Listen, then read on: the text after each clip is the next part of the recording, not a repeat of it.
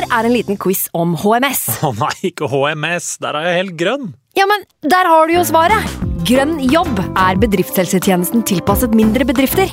Våre HMS-eksperter hjelper mer enn 8000 bedrifter over hele Norge med alt fra lovpålagte HMS-krav til pålegg fra Arbeidstilsynet. Få på plass bedriftshelsetjeneste på grønnjobb.no. Hallo? Jeg kommer fra Oslo politikammer. Ine Jansen er purk. Er du purk? The motherfucking bitch. Alt jeg vil, er å finne ut hva som skjedde med mannen min. Jon Carew. Er jeg sikta for noe? Iben Akeli. Det er du. Ole So, Lars Berrum og Big Daddy Karsten. Hvem sin side er du på, egentlig? Anette Hoff, Tone Danielsen, Kommer du fra Afrika? Jørnis Josef, Nesten. Kløfta. Trond Espen Seim, Det er synd å si det, men det var feil mann som døde. Purk. Premiere tirsdag på TV2 Play.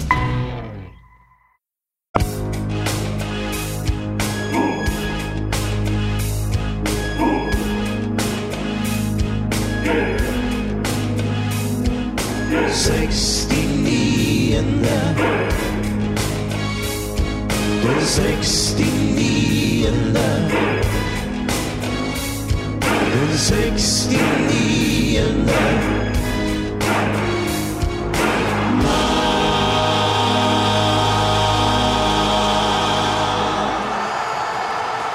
Hjertelig velkommen til eh, del to av eh, denne build-up-spesialepisoden E, som eh, vi i den 69. mann bruker som den aller siste oppladninga før serien er i gang. Vi har allerede vært gjennom åtte lag. Vi har analysert, diskutert og plassert disse åtte lagene på en foreløpig tabell. Eh, For de som ikke har hørt episode én, så anbefaler jeg selvfølgelig å høre den, eh, eller del én, høre den først.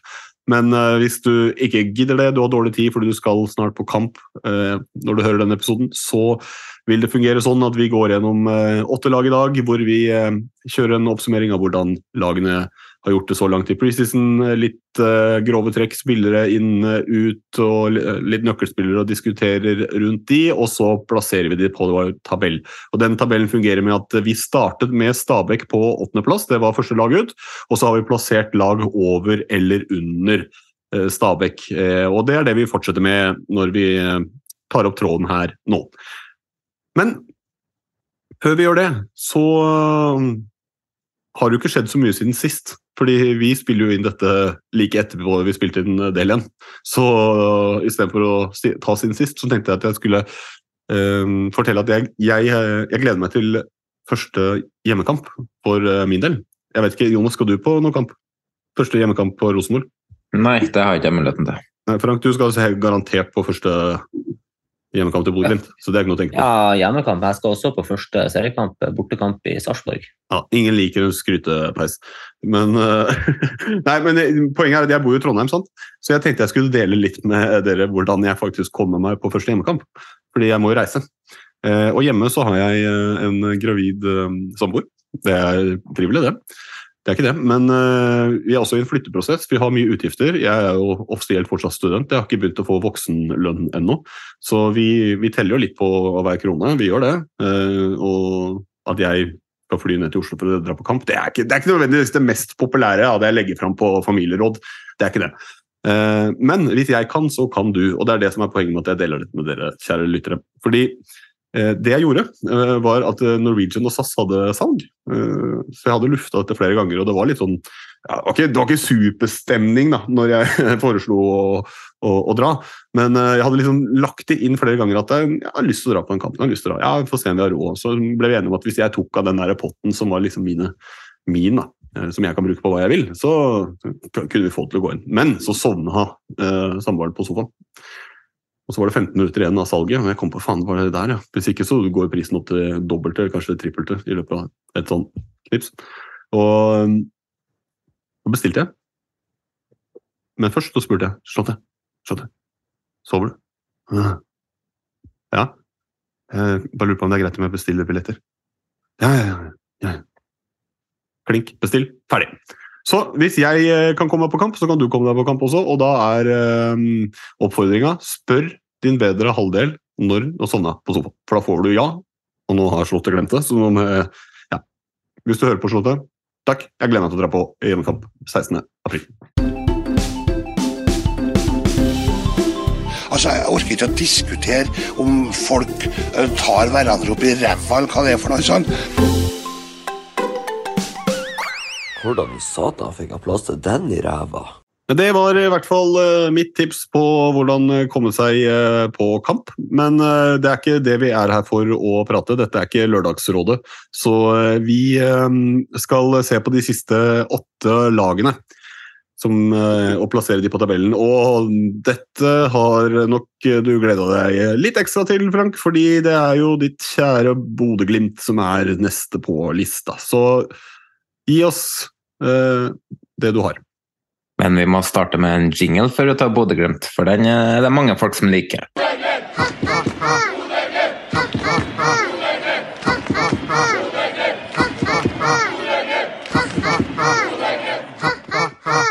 Ah, Jonas er nå så artig. Eh, status i Glimt. Spillere inn og ut. Ola Solbakken, Alfons Samstedt, Jafet Seri Larsen, Elias Hagen, Marius Høybråten, Lars Jørgen Salvesen, Gilbert Komson, Markus Andersen, Adam Hussein og Sigurd Kvile på lån er forsvunnet ut. I tillegg så var Joel Mbuka og Nikita Haikin i svingdøra på flyplassen. Ut og inn igjen nesten samme dag. Eh, motsatt eh, Syver Skeide og Petter Noasake Petter eh, Nosakare Dahl. Eh, begge to er signert for Glimt, men er dratt tilbake til klubbene sine på lån. Inn har også kommet Omar El Abdeloui, Odin Bjørtuft, Fredrik Bjørkan, Adam Sørensen, Faris Pemi og Jeppe Kjær. Eh, ja. I preseason så har Glimt starta med 8-0-seier over Junkeren, 1-0-seier over Viking, uavgjort 0-0 mot Kalmar, et 3-4-tap mot Wiborg, uavgjort 2-2 mot Silkeborg, uavgjort 0-0 mot Lech Poznan og et 1-0-tap mot Lech Poznan i returkampen i Polen. Uavgjort eh, 1-1 mot Ålesund, 4-0-seier mot Ranheim i eh, cupen, så en 5-3-seier mot Viking i cupen, og i dag har Bodø-Glimt slått Molde 2-3 på Røkkeløkka. Eh, Nøkkelspillerne for Bodø-Glimt er ikke, ikke å gå utenom eh, Patrick Berg, i hvert fall. I tillegg til de to poengkongene Hugo Vetlesen og Amahl Pellegrino. Mine se opp for eh, disse i år blir eh, Nino Sugell og Albert Grønbæk. Uh, supportere Jeg snakka med Iver Steinsvik. Han var jo veldig på det at jeg måtte tulle med det at uh, i Bodø så tenker vi kun uh, prestasjon. Vi skal feire når vi har 30 poeng. og alt det her da. Men han sa jo også det at uh, han tror at uh, året i år ser vi mer tilbake til eh, 2019- og 2020-utgaven av Glimt. Eh, det baserer han på det at nå har Glimt fått en skikkelig preseason igjen, som de ikke fikk i fjor. Han tror at det blir mer, eh, det blir mer et samspill og et lagspill enn hva det blir enkeltspillere som står frem. Uh, han registrerer også en enorm angrepsvilje i uh, laget. Eh, Et lag som vil være fremoverretta og skape muligheter. Eh, Skaper enormt med sjanser, eh, i, i hvert fall de kampene som har vært etter, etter Lech Poznan. Så sier han også det at det er, han, han finner ikke noen svakheter i troppen til Glimt, for den er så stor og så solid. Glimt kunne stille med to elvere som begge hadde prestert godt i Eliteserien. Og han sier det at eh, Glimt eh, sin treningshverdag er som, eh, den er tøffere enn hva å møte 14 av 15 lag, og da hinter han det til at det eneste laget som er tøffere enn å møte seg sjøl, er Molde sitt lag. Uh, han vil ikke spå uh, tabellen, uh, egentlig, men han sier bare det at vi tar 30 poeng, og så prestasjon i fokus. Ja, jeg får ikke slippe unna det så lett, altså. Så da må du svare på vegne av Bodø-supportere. Hvor tror du dere havner? Førsteplass. Ja. Du, du hadde ikke noe problem med å si det, du? Nei, herregud, altså. Svinga jo rundt eh, naken eh, i fylla på byen, så hvorfor skal jeg ha problemer med å si førsteplass i en podkast? Mm. Jeg vil jo Nei, si at det nesten er eh, den nesten skandale hvis ikke de tar den førsteplassen, da, med tanke på alle investeringene som er, som er gjort. Ikke nesten. Det er ikke nesten en skandale. Ja, det er det. Ja, det er en skandale hvis de ikke vinner. Fordi jeg har, det er så lenge som jeg har vært så engasjert som jeg er nå, så har jeg ikke sett en så eh, klar favoritt eh, som Bodø-Glimt er akkurat nå. På alle parametere. Eh, og det er noe med hvor mye de har investert. Men det som jeg også tror, er at de kommer til å levere opp til det. De ser bra ut. Så, men, og det er derfor at jeg ser ikke at det kan bli noe annet enn førsteplass jeg, akkurat nå. Det er, det er sånn jeg vurderer det, og da er det alt annet det er for dårlig. Men eh, det er ikke sikkert at Bodø-Glimt-supportere er enig med meg, men eh, det, det har jeg ikke noe problem med å si. Det, det, de skal vinne den, og de skal vinne den uh, uh, egentlig ikke lett, men uh, ikke supervanskelig heller. Rosenborg var nok større favoritt i 2016-2017, men det handla jo mye om at det var ikke noe lag som utfordra de. Det er det jo nå i Molde, da, spesielt. Men eh, ja, det er- altså Favorittstempelet til Bodø-Glimt har egentlig bare økt og økt utover vinteren. eh, Etter hvor mange spillere og hvem det er som har kommet inn døren på Aspmyra. For eh, en måned, halvannen siden så eh, hadde jeg kanskje eh, eller Før Rosenborg solgte Tengstedt, så, så så ikke jeg så mye forskjell på de tre øverste eh, lagene. Da var det nesten sånn at både jeg og Frank eh, vurderte de til jevnt. da. Men utover Men, men vinteren Men hvis du gjør en annen øvelse, da. eh, For det er veldig lett å snakke om hva som er bra i Glimt, og det kan sikkert Frank ha lyst til å gjøre også. Men hvis, du skal, eh, hvis vi skal gjøre en annen øvelse, hvorfor vinner ikke Bodø-Glimt-ligaen? Hva er det som taler for? Fordi Gud er god. Eh, Ja. hvis, hvis det skulle være noe som talte mot Glimt, så må det være type skadehistorikk. Eh, I forrige episode så nevnte han Jonas det her med det at Molde 2022 vant ligaen med veldig mange skader. Eh, Glimt 2021 hadde like mange skader, men det tror jeg folk har glemt. Uh, Best Glimt blir plaga med mye skader i år, og det er ikke noe å si på det. Også en Fredrik Bjørkan har vært veldig skadeutsatt tidligere. Uh, Begge Mo, Mo og Lode på midtstopperplass har jo vært plaga med skader. Espejord er jo uh, nå inn og ut med sykdom i hele, vår, i hele preseason. Eh, han har jo vært skadeplaga tidligere, men ikke det siste året. Det kan jo komme tilbakefall der. Det kan være mye skader som skjer. Jeg ser, ikke, jeg ser ikke på, det, på angrepsrekka som det sterkeste hvis førsterekka er ute. Nå forsvinner jo han Joel Mbuka til sommeren. Jeg tror at Nino Sugell kommer inn og kommer til å prestere godt der. Eh, Jeg jeg er jo spent på om Mbuka faktisk er inne i elveren da, når eh, Sugei er tilbake. Ja, nå gjorde han en buka. Vi kan godt snakke litt om kampen i dag òg, for det var det er på en måte generalprøven. Og det er jo de to lagene som jeg tror veldig mange spår som nummer én og nummer to. Eh, Glimt åpna kampen greit første minuttene, skapte sjanser osv.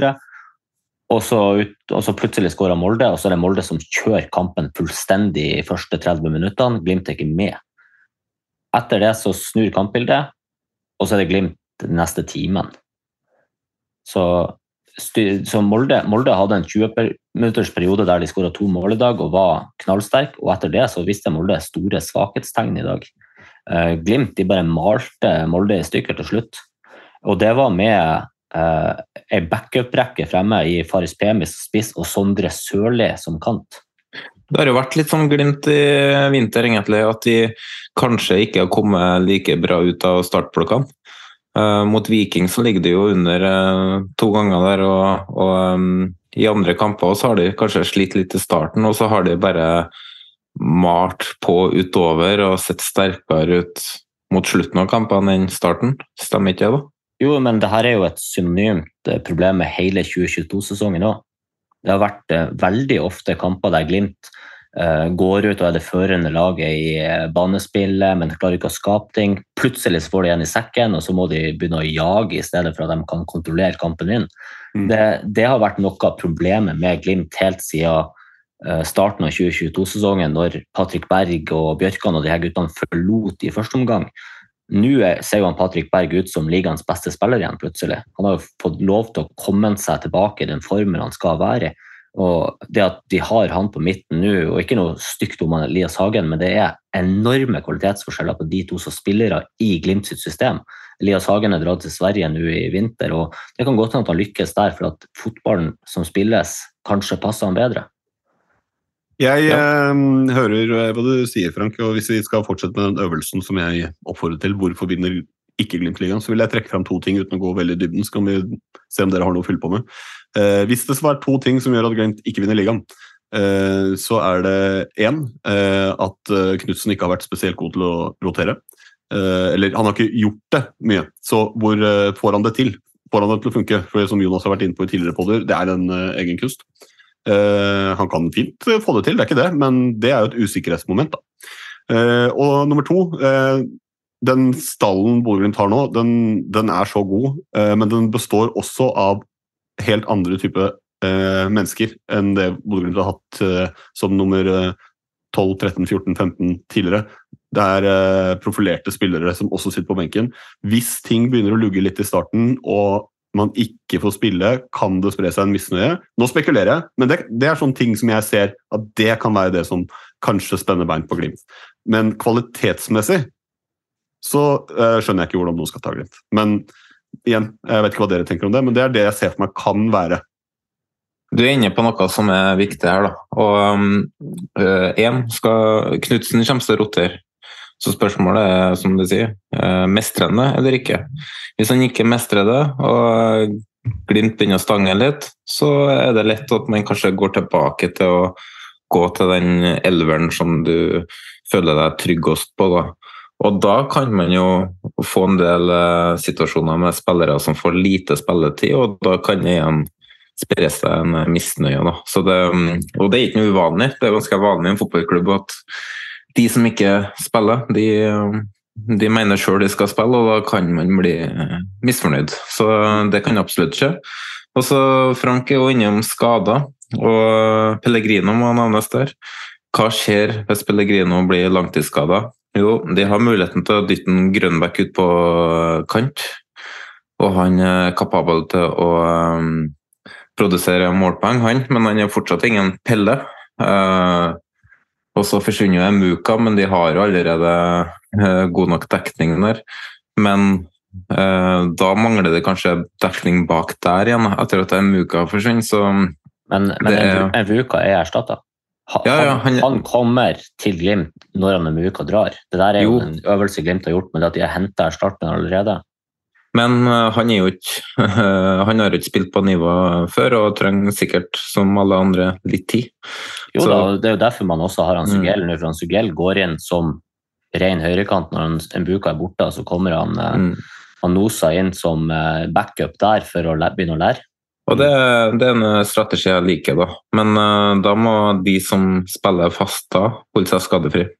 For Jeg tenker at hvis, eh, Hvis de ikke henter Pelle, uh, nei, hvis, de ikke, hvis Pelle begynner å slite, så ligger jo svaret der. Jens Petter Hauge. De henter jo han i neste vindu hvis ikke han spiller noe mer. Da er han eh, Hvilke andre, eh, hvilke andre Glimt-spillere er det som her- eh, ikke har tatt den der returen? Han kommer til å gjøre det, han også. Der skal ikke vi røpe! Nei, men du hørte det her først. Allerede nå i, i april så hørte du det her. Altså, Jens Petter Hauge kommer til å komme tilbake, spesielt hvis uh, f.eks. Pellegrino ryker på en uh, lengre skade. Eh, da Glimt har penga.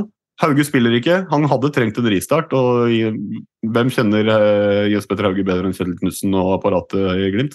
Jeg ser ikke hvorfor han ikke havner der. da. Så du, du, det, det er noe med det her, da. Da ser du hvor eh, I hvilken posisjon Glimt har kommet. da. Og Men- det er det som taler for at det jeg sa i stad, eh, er egentlig et halmstrå. Jeg tror de kommer til å vinne ligaen, eh, og de kommer til å gjøre det før siste serierunde.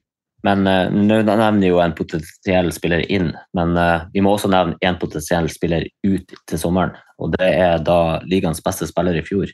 Uh, han har fem Bundesliga-klubber som sikler etter seg. Så at Hugo Vetlesen spiller i Glimt fra etter august, det har jeg dårlig tro på. Ja, han Mm. drar jo i juni og kommer tilbake i august, og du veit hvordan det fungerer. Så det, vi, vi, vi avskriver ingenting. Nei, men det er jo det er et poeng, det. Men eh, ja, har man noe mer som gjør at Glimt ikke vinner ligaen, eller skal vi plassere dem på tabellen? Nei, og hvis Vetle- Vetlesen forsvinner, så synes Vetlesen er ligaens beste spiller, men jeg tror Bodø-Glimt er mer avhengig av Pellegrino enn Vetlesen, tror jeg. For uh, Vetlesen har de jo egentlig erstatta allerede i Grønbæk. Mm. Og så må du ikke glemme at uh, Ulrik Saltnes uh, lusker i sivet der, og uh, Brunstad Fet Saltnes kommer, tilbake, Saltnes kommer tilbake i juni-juli, Og da juni, ja. vil jo han ha den tida fram til august på å komme seg i toppform igjen, antar jeg. Så da, da har de jo De er godt dekket der. Men uh, vi må jo få det inn på tabellen her, og vi kan vel egentlig bare si med en gang ja. Over eller under Brann? Jeg sier klink over. Det er ikke noe å tenke på. Frank? Over. Ja, da setter vi, så foreløpig Bodø-Glimt på en sjuendeplass, og det liker jeg. Men eh, Ja, det men kan da var vi ferdig med build-up eh, for eh, denne gang. Hele kan- tabellen blir ja, lagt vi- ut. Nei Det var vi, fint å se. vi skal gå videre. Eh, men eh, ny leder av eh, den midlertidige tabellen, i hvert fall. Det er, det er status. Vi skal se på Sarpsborg 08, eller Serp, som de også kalles. Og der er det jeg som har eh, tenkt å gi dere litt eh, å diskutere. Eh, som i oppkjøringa så starta de med en smekk mot Vålerenga i første treningskamp. Men etter det så har de faktisk seks seire og to avgjort på de neste åtte treningsmatchene. De har også bl.a. spilt en 3-3-match mot Brann, som vi allerede har snakka varmt om og mener ser bra ut. Og men med unntak av liksom eh, en 4-0-seier mot eh, Moss, så har det vært eh, ganske jevnt resultatmessig med de eh, aller fleste. Det har blitt eh, stort sett ettmålsseire, men også to 1-2-målseier. Eh, Jeg tipper at de garantert har spilt på seg selvtillit. De eh, skårer en eh, del mål, og det er mye mål i, eh, i det Sarpsborg-laget, men eh, usikkerheten kan jo kanskje være på om de klarer å skåre flere enn de slipper inn. da. Det er vel eh, litt der der. Sarpsborg har eh, også vært aktiv på overgangsmarkedet. De har hentet f.eks.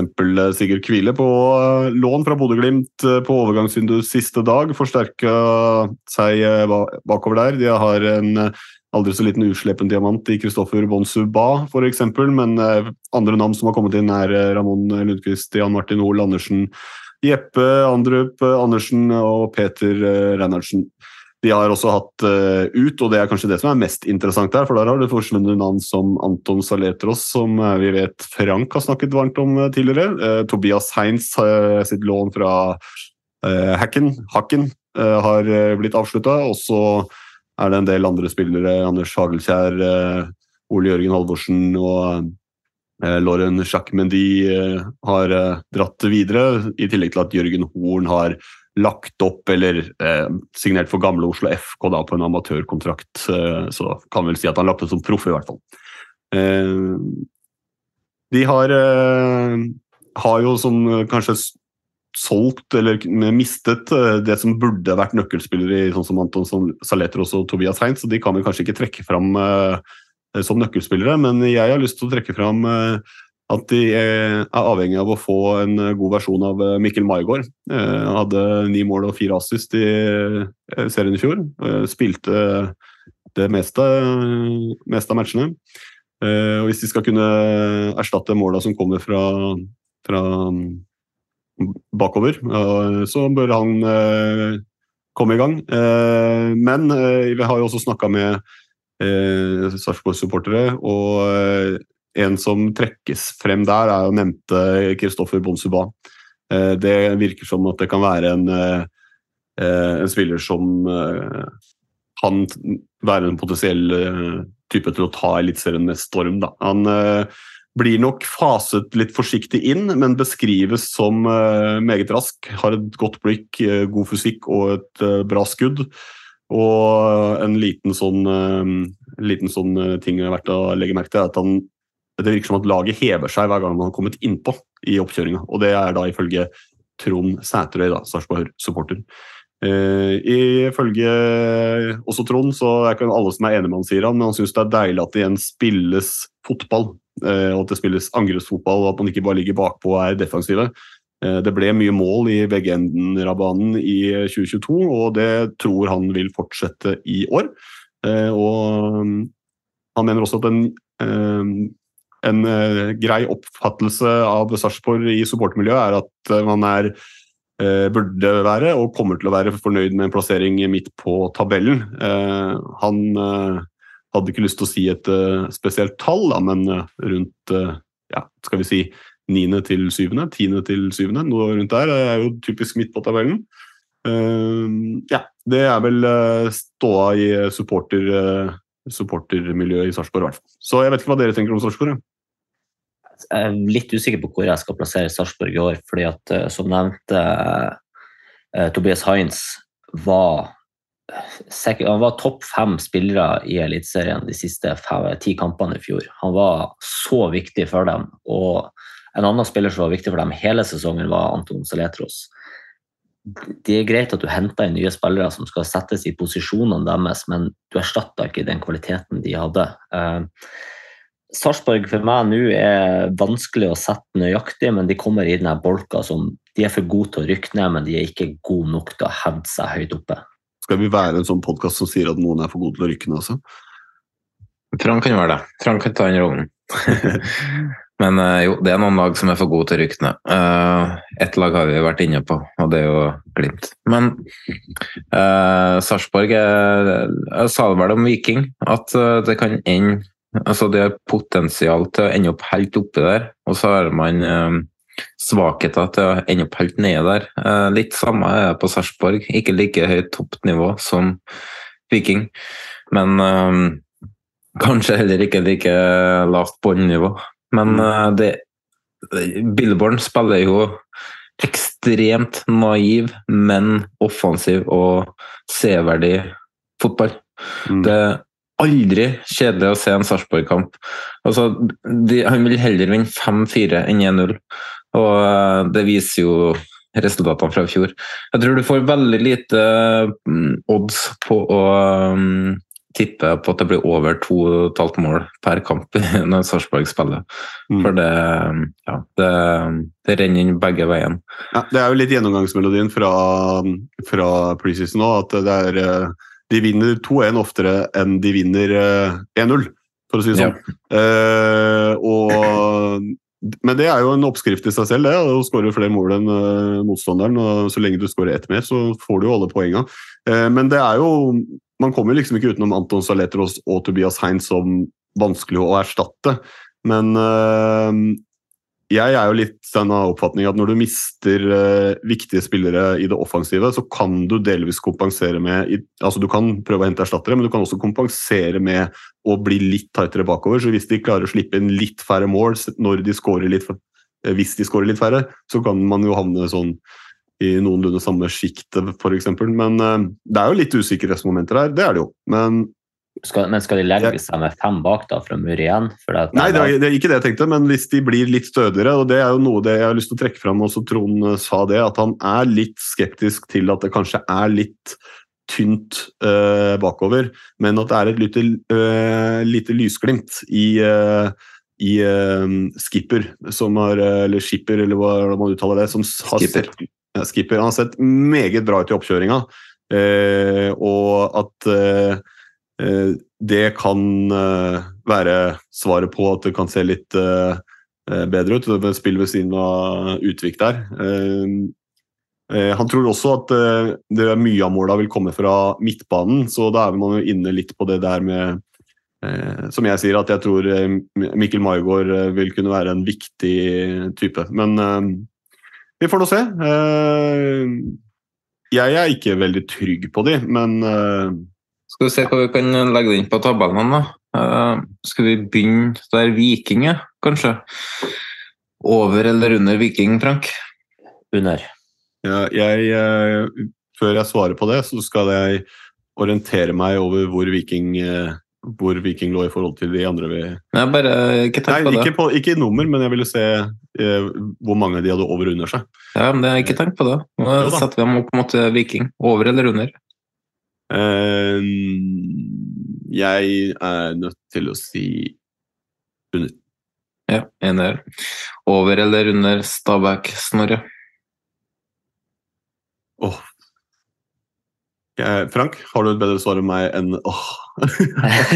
Jeg håper det. Jeg, jeg tror, eh, som vi- når vi snakker om Stabæk, jeg tror Stabæk har eh, kvaliteter defensivt. eh, klarer å mure mer igjen, har mer struktur på spillet sitt enn hva det Sarpsborg har. Jeg tror Stabæk eh, er over Sarpsborg på eh, at laget er mer sammensveisa defensivt. Sarpsborg over Stabæk? Nei, Sarpsborg under Stabæk. Under. Snorre? Ja, jeg ehm, Jeg er usikker altså, på den der. Den, ehm, men jeg må ta et valg, og da tar jeg de under, fordi det Altså, jeg veit at det var tidlig i preseason, men det er den eneste uh, Sarpsborg-kampen jeg har sett i sin helhet mot Vålerenga. Og eh, det, hvis det er båndnivået, eh, så tror jeg de under, kan havne under Stabæk. Men det, det, er, det, er veldig, det er veldig tidlig, så det er veldig eh, rart å si det. Men det er liksom det største referansen jeg har. da, Er det, da, da var de dårlige. Ja, jeg har de eh, over, men uh, to mot én. Så Tromsø, Frank. Over eller under? Uh, over Tromsø. Frank? Nei, Snorre. Ja, uh, jeg vil også si over. Ja, enig der. Oi, så da går vi inn der. Og da skal vi over på neste lag, som er Sarsen er Haugesund. Haugesund, ja. De var det jeg som hadde tatt. Haugesund? Ja, eh, kort og greit om Haugesund sine transfers. Eh, Valstad, Tore Pedersen, Kristoff eh, Safaris, Joachim Holtan bl.a. har forsvunnet ut. Inn har kommet eh, Amund Vikne, Sorry Diarra, Oskar eh, Krusnell, eh, Adrione Payasiti, tror jeg sa det rett. Eh, Samuel Otusanya, det var lette navn. Eh, I preseason så har de eh, De starta med å tape mot eh, Wolfsberger. De har slått Vard Haugesund, Bryne og Åsane. Så tapte de mot eh, Tromsø, Lillestrøm og Brann. Før de slår Sandnes Ulf og har en uavgjort mot Rosenborg. Nå har de vel en kamp mot Viking i dag. Eh, det som er å merke seg med preseason, er at de har slått lag på lavere nivå, mens de har eh, tapt eh, mot lag på samme nivå og spilt uavgjort mot Rosenborg.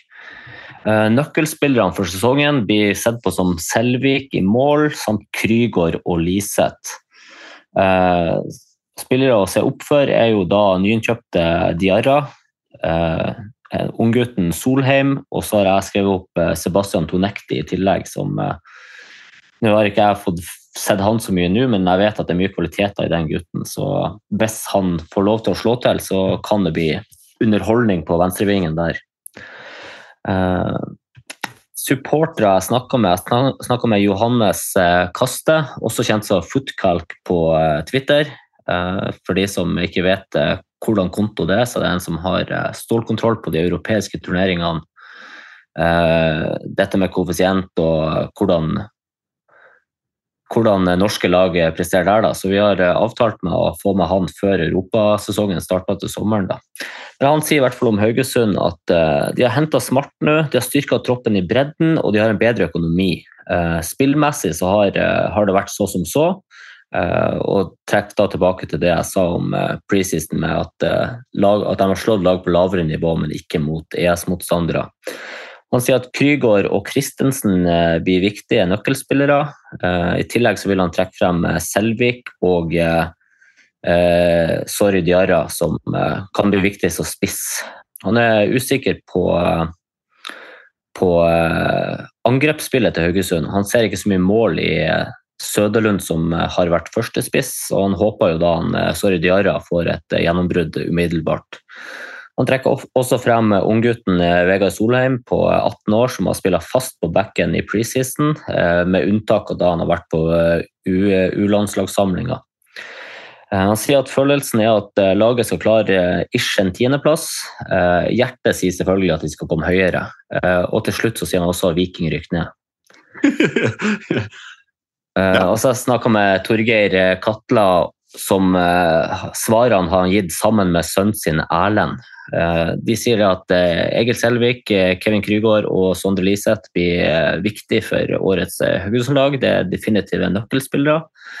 Han nevner også Vegard Solheim som det store gjennombruddet. Sier også samme som han, samme som han Johannes sa i stad, at en gutt som har virkelig, en lokal gutt som har tatt backplassen til sin gjennom preseason. Eh, også spent på flere andre unge talenter som Mikkel Hope og Troy Nyseth Enghammer. Eh, håper de kan få gjennombrudd, men tror det er litt for tidlig for dem.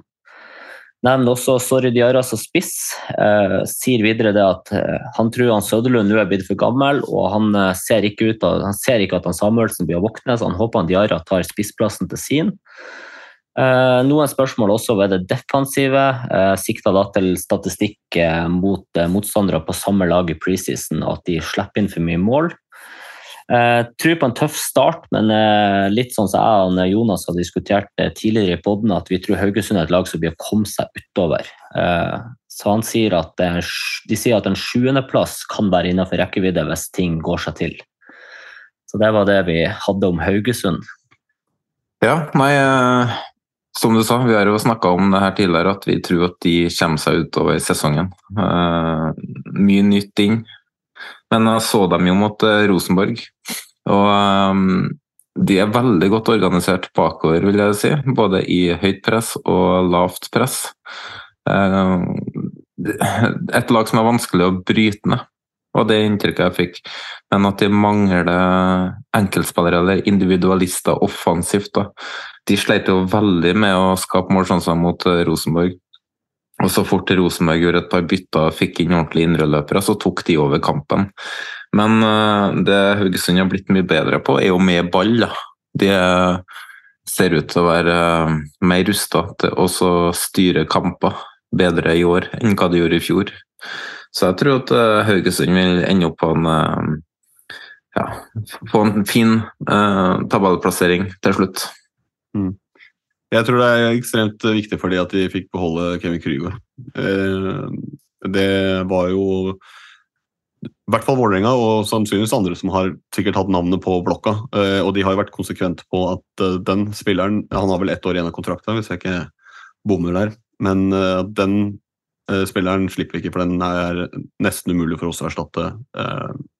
både med tanke på midler og hvor lenge man har igjen og hvor man har kommet i preseason. sånn, Så det var rimelig uaktuelt. da. Eh, Så det er viktig. Jeg tror Krygård kunne ha spilt seg på 15 eliteserielag i året.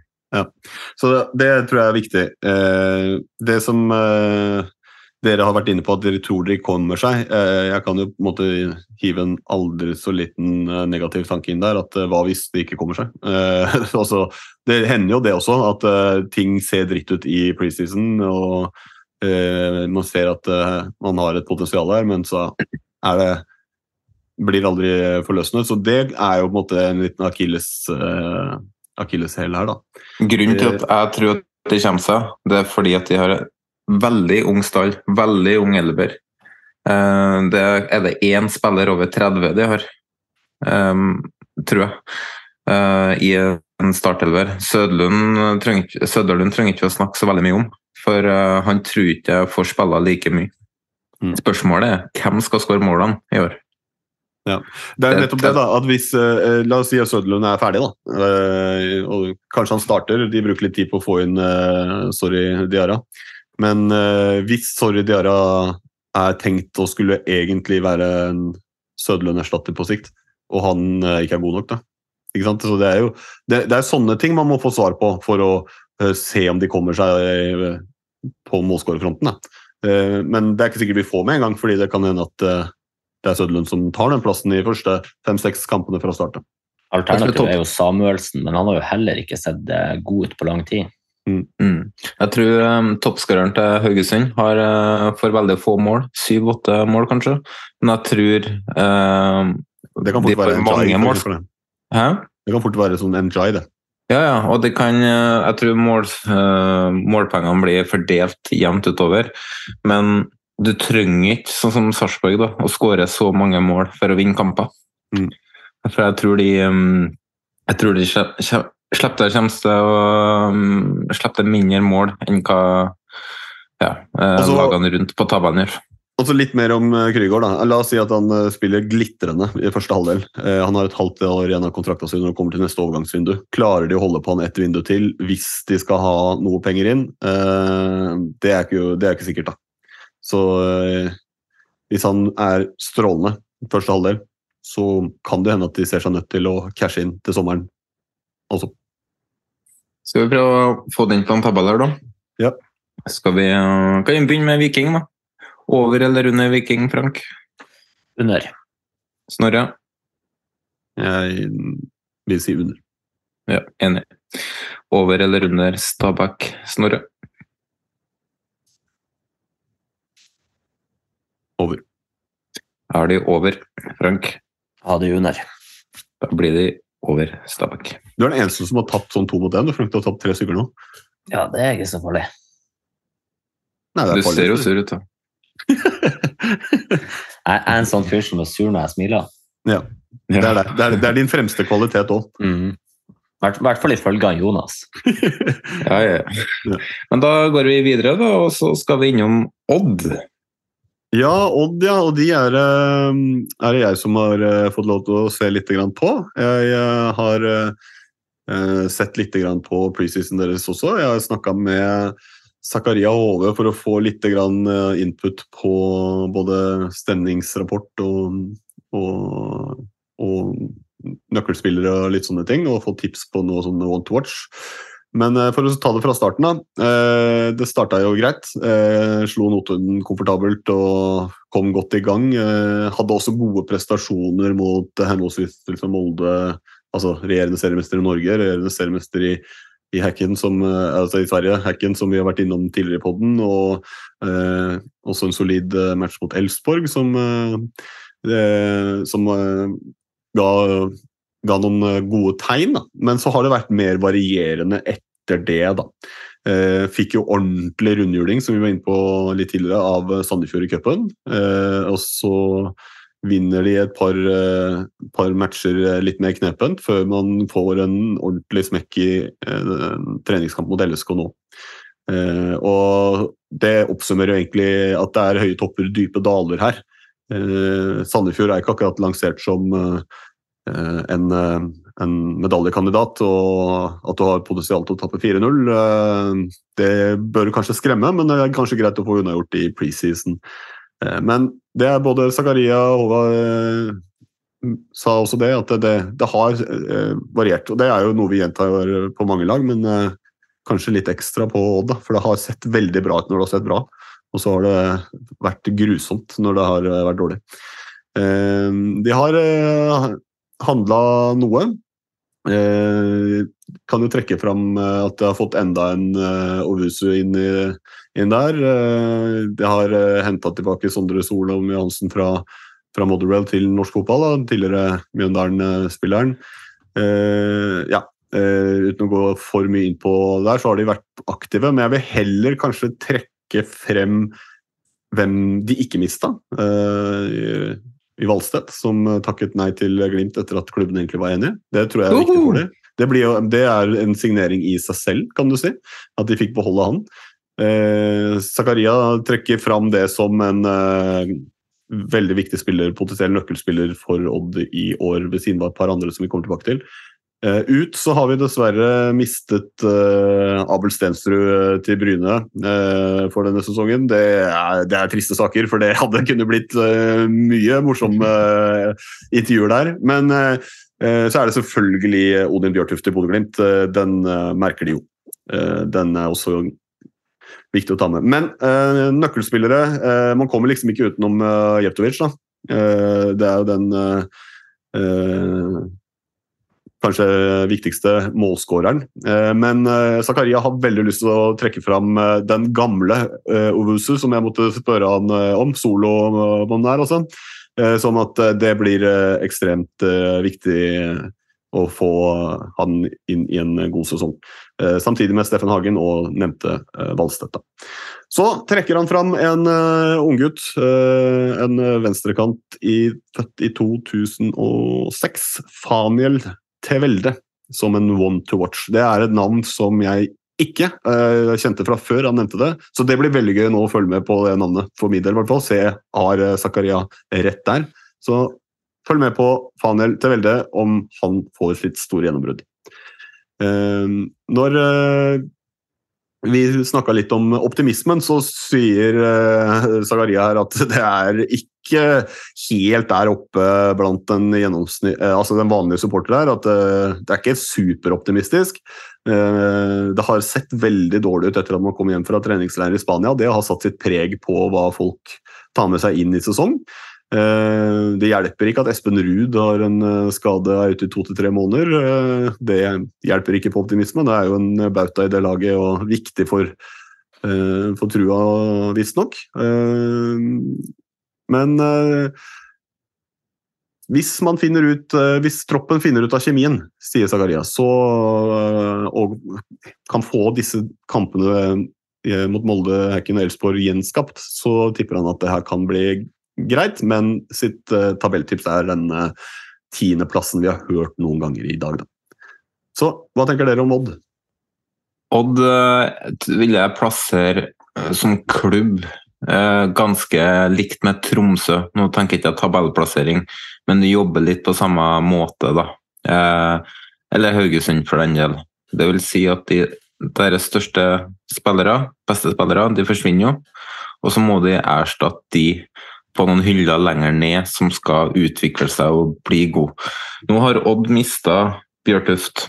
Eh, men de har òg mista Hoff, som var på lån i høst. og Tapte de med Hoff på banen, det er jeg litt usikker på.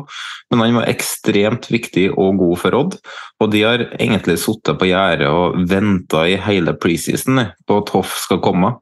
De har jobba med å bli enige med Rosenborg. og Virka som at alt var i orden, men eh, Hoff eh, hadde mest sannsynlig litt for høye lønnskrav. Og Hvis man ser på skattelistene over hva Hoff tjente i Rosenborg, så skjønner man jo det. Og så um, uh, Ja. De, de, har, de har ikke klart å erstatte de, og det skal man ikke forvente at en klubb som Odd greier uansett. Jeg tror, du det har, tror du det bare har med lønnskrav å gjøre, eller tror du det har med ambisjonsnivået å gjøre? Det er det deler. Men, men jeg tror med, med et lavere lønnskrav så hadde han vært klar for Odd tidligere, da, før LSK kom på banen, tipper jeg. Men, så, så, men det virka som at de var trygge på at det der kom til å skje. Jeg har snakka med folk i Odd-miljøet ganske lenge, og de sa nå at eh, de venta bare på at Hoff skal komme. Eh, Det var i hvert fall inntrykket, men det skjedde jo ikke, så det var jo et slag i trynet for det. Mm. Um, men, og det er mange som har tidligere i preseason har snakka Odd kraftig opp. da. At de skal bli topp seks eller topp fem, skal de utfordre fjerdeplassen. Jeg har ikke vært så optimistisk i det som de, da. For uh, som sagt, Bjørtuft uh, bort, det, det er tungt. Um, og som sagt, umulig å erstatte. Men Valstedt han spiller ikke 30 kamper for Odd i år. Nei, det er det, og det er et viktig poeng. Selv om de fikk beholde han nå, så er det jo ikke sånn at han sier det for at han skal spille eh, eh, for Odd resten av karrieren sin. Han har en ambisjon om å komme seg eh, til utlandet og, og bli der. Sorry, Frank. Eh, Men eh, eh, da er jo den signeringa, eller i gåseøynene, som jeg sa, som en signering, den forsvinner jo. Og da mister de veldig mange poeng. Fordi det er, få keep, eller det er kun Ålesund ja, som har en keeper som redder så mye som det er Valstedt gjør. Som redder så mange poeng. Og ja, det kan si at Jarstein kanskje kommer, men han har ikke spilt kamper på tre år snart. Så um, den, den blir tung uansett, da, fordi jeg er nødt til å ha inn en skuddstopper. Og um, det blir ikke lett. Hva tenker du da, Frank? Nei, eh, hvis jeg skulle begynt å snakke om Odd nå, så ville det jo være naturlig å gå på Valsted, for han har ett år igjen av kontrakten, eller ett år, det er nå åtte måneder snart igjen bare. Han forsvinner til sommeren. Det er jeg helt klink eh, sikker på. Da er han, har han spilla maks 15 kamper, så er han borte. Mm. Eh, I tillegg så tror jeg det her er litt sånn Man snakker om andre sesongen til nyopprykka lag. Jeg tror det her blir andre sesongen til Paco. Jeg tror de kommer til å få det tøffere. Eh, de er vikt, det, det blir viktig for dem at spillere som Ovusu, eh, Konrad Vallem, Filip Jørgensen, eh, Mikael Ingebrigtsen Sånne spillere må stå frem nå. Eh, spissen deres, Midtskogen, han er ikke en eliteseriespiss. Han, han, han, han er to meter høy nesten, og han ser puslete ut på topp. Og Lauritzen sto jo bak mange poeng i vårsesongen i fjor, så Jo, altså det er derfor jeg sier at de er avhengig av at indreløpere og sidebacker og sånn eh, er med å produsere. For jeg klarer ikke å se Midtskogen som eh, en som seriøst skal skåre mer enn maks fem mål i år. Eh, eh, Odd for meg er ikke i det sjiktet som skal, kan rykke ned, men de er ikke langt unna. Ja, er jeg har har vært gjennom en eh, heisatur. Jeg har jo både sendt de ned i første episode og sendt de opp i eh, øverste blokka, så jeg er jo litt usikker. Så jeg må bare se hva slags eh, lag vi trekker opp av hatten her for å vurdere over eller under. Der er jeg. Bipolar snurre. Ja, nei um, Odd kommer til å utvikle seg og bli bedre utover sesongen. Men uh, jeg tror, um, tror de får det tøft, så vi kan jo begynne å se på tabellen her, da. Hvor skal vi begynne hen? Uh, vi kan gå ned til Sarpsborg, da. Over eller under? Under. Over. Over. Oi, skal jeg avgjøre den? Sarpsborg eh, under. På Hei, Frank, du var på vinnerlaget! Ja, det var ren sympati. Ja. Jeg må beklage til lytterne med stemmen min og sånn. Jeg har slitt med alt etter den kvelden jeg hadde på byen i går. Eh, Med både pust og konsentrasjon og alt. Så Du sliter med alt det vanlige. ja, men i dag så sliter jeg ekstra mye. Men eh, jeg prøver å bite tennene sammen og fullføre. Mm. Um, Frank, Tromsø, over eller under? Over, men så vidt. Mm, da sier jeg under, så får Snorre avgjøre den. Over. Så da har du Over. også tapt en eh, avstemning, så da er verden i balanse. Jeg nekter, så jeg setter dem under. Ja. Men, men hvordan, hvordan skulle han Snorre, som ville ha dem over Sarpsborg igjen, kunne sette dem under Tromsø nå? Ja, idiot! Ja, men det er jo det konseptet her er, da. Det er head to head, Ja, det er helt og så stoppe, da. Så sånn, sånn funker det her, og det er ikke sikkert at vi er enige i tabellen eh, når vi, når vi ser på den til slutt, men eh, sånn den blir. Ja. Da Vi kommer jo til å slippe egne tabeller også, for de som eh, lurer, da. Ja. Ja, men da var Odd plassert og diskutert og det som var, så da beveger vi oss videre i programmet. Vi har jo hatt en aldri så liten påskekrim. Eh, vi eh, må se vi må jo få noen flere clues, men før vi gjør det, Jonas, kan ikke du ta oss og gi oss en kjapp oppsummering av tabellen før vi går inn på de fire siste lagene? Det kan jeg gjøre. Eh, vi tar det bare i rekkefølge etter åssen vi har satt dem fram. Da. Vi mangler jo Molde, Godset, Vålerenga og Rosenborg, som vi skal ta i siste del. Men foreløpig så er rekkefølgen Bodø-Glimt, Brann, Lillestrøm, Viking, Haugesund, Stabæk, Sarpsborg, Odd, Tromsø, Sandefjord, Ålesund og HamKam. Den 69. mann presenterer Påskekrim-Jim, et mordmysterie i fire deler. Del tre. Krim-Jim hadde klart å samle tankene sine og var på vei tilbake til kontoret til etterforskerboen. Tankene raste av gårde, og hjertet hoppet over et slag hver gang han tenkte på alle pengene han kunne gå glipp av om han ikke løste dette før politiet. Idet han passerte lunsjrommet, hørte han noen politibetjenter snakke om saken. Han stoppet opp og spisset ørene for å høre hva de sa. Jeg hørte det ble ampert på den årlige spiller- og trenerdebatten i regi av NISO i går. Spesielt når han eh, Kjetil Knutsen begynte å snakke om VAR. Det var akkurat som om rommet delte seg i to. Eh, Det stemmer. Jeg jobba på arrangementet. Han fikk mye støtte fra angrepsspillerne. De ønska seg jo flere straffespark. Men eh, tilsvarende ble han bua på de som eh, skulle forsvare boksen. Visstnok skal det være en del av disse som prøvde å oppsøke Knutsen på Aspmyra senere på dagen, like før drapet, for å konfrontere han med dette. Konfrontere? Tenkte han inni seg. Det er et ord jeg ikke vet hva betyr. Det er for mange bokstaver. Krimelim-Jim hastet videre og inn på etterforsker Bohins kontor. Der fikk han beskjed om at politiet hadde tatt inn flere mistenkte til avhør. Da Krim-Jim spurte om hvordan de hadde funnet mistenkte, svarte politiet at de bare tok en sjanse, og det var bedre å taue noen inn urettmessig enn å ikke gjøre noe. Det var vanlig praksis i Bodø, sa de. Krim-Jim spurte. Kan jeg få se når dere avhører? Jeg liker å se på. Noe han også fikk lov til. I avhørsrommet satt Henrik Heggheim.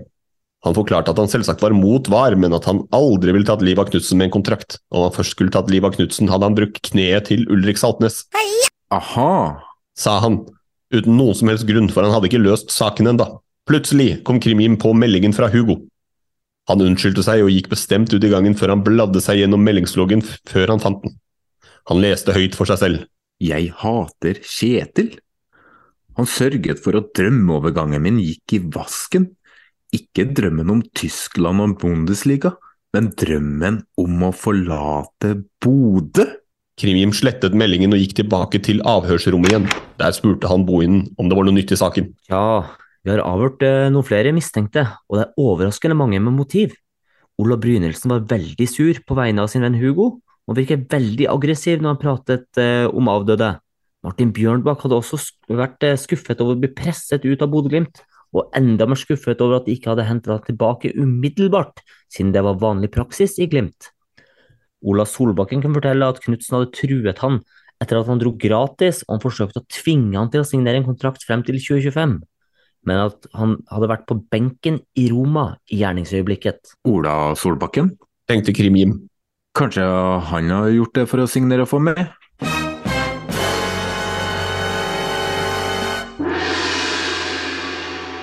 Det var eh, del tre av Den 69. manns eh, påskekrimjim, et mordmysterie i fire deler. Har du knekt koden, da? Ligger du et hestehode foran eh, Krimjim selv, eller Bodø-politiet for den saks skyld, så send inn ditt svar. Men jeg vil anbefale å høre siste del også. Må, jeg må benytte anledninga til å skryte litt av skuespillerferdighetene til Frank. Altså, eh, her snakker vi en framtidig karriere som lydbok uh, kan bli. skuespiller? Ja. Du har en framtid der. Eh, Ja, altså, Hvis vi skal skryte av en av eh, skuespillerne, så er det jeg enig i at det er Frank, ja. Ja, det, er- det er ikke noen tvil om det. Altså, di, altså, dialekt er ikke min fremste egenskap, men når vi går inn på Molde-dialekt, da det, det er tøft. Ja, Men du, og du fikk uh, leve rollen som uh, Krimjim. Det var jo en liten eh, drøm som gikk i oppfyllelse der. Det var ikke det. Ja, for det du, fikk ikke komme, du fikk komme med en tolkning, og det du, har, jo- du, har, du har jo vært litt agent nå i vinter. Du har jo vært litt eh, krim-Jonas. Ja, så jeg har jo vært litt på den sida, da. Så nå skjønner jeg jo åssen de opererer, da. Så mm, jeg har jo egentlig Jeg vil si at du er, sånn, du er sånn method, method actor, du. Ja, ja, jeg, jeg, jeg, gjorde det egentlig for å gjøre research inn mot den der, eh, påskekrimgimen. Mm. Og eh, i tillegg til påskekrim-jim-segmentet, så er det også sånn at vi minner om eh, rekkefølgen på lagene vi går eh, igjennom. Det er også en aldri så liten gåte. Hvis du har løst funnet ut hvordan, hva mønsteret er, så send oss det også, så trekker vi vinner på det også. Premie på begge konkurranser, altså. Men vi gjør som Krimjim, og vi ser på Molde. Det gjør vi. I, år, to, eller I fjor da, så endte vi på førsteplass, og nå skal de jo prøve å forsvare gullet fra i fjor. De har fått inn fire spillere. Erik Ketolano, indreløper fra, eh, fra Tromsø, målfarlig en sådan. Veton Berisha, som vi har vært inne på. Slangen, skal, slangen skal prøve å uh, skåre mål for Molde i år. La oss håpe det ikke skjer. Anders Hagelskjær fra Aalborg, det er vel kanskje en spiller som uh, styrker bredden, og som uh, Ja, vi vet ikke så mye om han egentlig. Og så er en Ibrahim fra Guys. Ut så er det flere spillere som har forsvunnet. da. Uh, mest markant er jo Fofana som gikk til Chelsea. Eh, Hussain, viktig spiller for Molde. eh, både med erfaring og ferdigheter. Han uh, har dratt til Kypros eller noe sånt, jeg tror. Tyrkia, samme det. Uh, og så har jo Haraldseid lagt opp, da, og Boli uh, har en kontrakt som har gått ut, men han var stort sett alltid skada uansett. Jeg har spilt en del treningskamper i vinter. Det endte opp med, òg cupkamper. da. Det endte opp med seks seire og to uavgjort, hvis man regner tapet mot Stabæk som uavgjort, siden det var etter ordinær tid, og tre tap. De har tapt mot um, Victoria Pilsen, mot Odd og mot Hødd ganske nylig. Eh, og nå da mot Glimt, da, så de har jo fire tap. Så har de slått Treff 2-1. De har slått Brattvåg 8-1. De sleit lenge med Sandefjord da, på banen i banespillet, så det ble bare 2-1 der. Og så knuste KBK 4-0. Slo Skeid 3-1 i cupen etter at de leda, Jeg lå under 1-0. Gjorde ikke det? Jo. jo. Og så eh, slo de Ålesund 3-0 forrige uke, da, før de nå igjen tapte. Så veldig Hadde, hadde Rosenborg da, eh, vært regjerende mester og levert en preseason her, så hadde det blitt bråk. Mens i Molde så blir det veldig lite snakka om akkurat det, egentlig. Så jeg syns ikke de har eh, hatt en bra preseason. Eh, ikke sett like bra ut som i fjor, og har heller ikke like bra resultater som i fjor. Nøkkelspiller til Molde, det, de har jo mange. Jeg vil helst bare dra fram én, og det er jo Eikrem. Og på mange måter så blir jo han som en nysignering i år, etter uh, en del um, problemer på hjemmebane i fjor, da. Alle har vel hørt om uh, det triste som skjedde der. Og Eikrem har visst uh, levert sin beste preseason i karrieren, og i hvert fall blitt framsnakka veldig. Så han blir viktig for Molde i år. Og Molde er jo en klubb som tåler veldig mye skader. Men jeg tror, tror det er litt avhengig av at Eikrem holder seg skadefri. Mm. One to watch, Mathias Løvik. Det er Haugen på venstre wingback. En av Eliteseriens beste backer.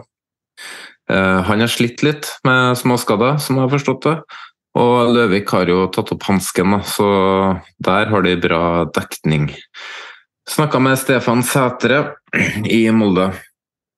Han mener det at for at han skal bli fornøyd i år, så må det bli gull.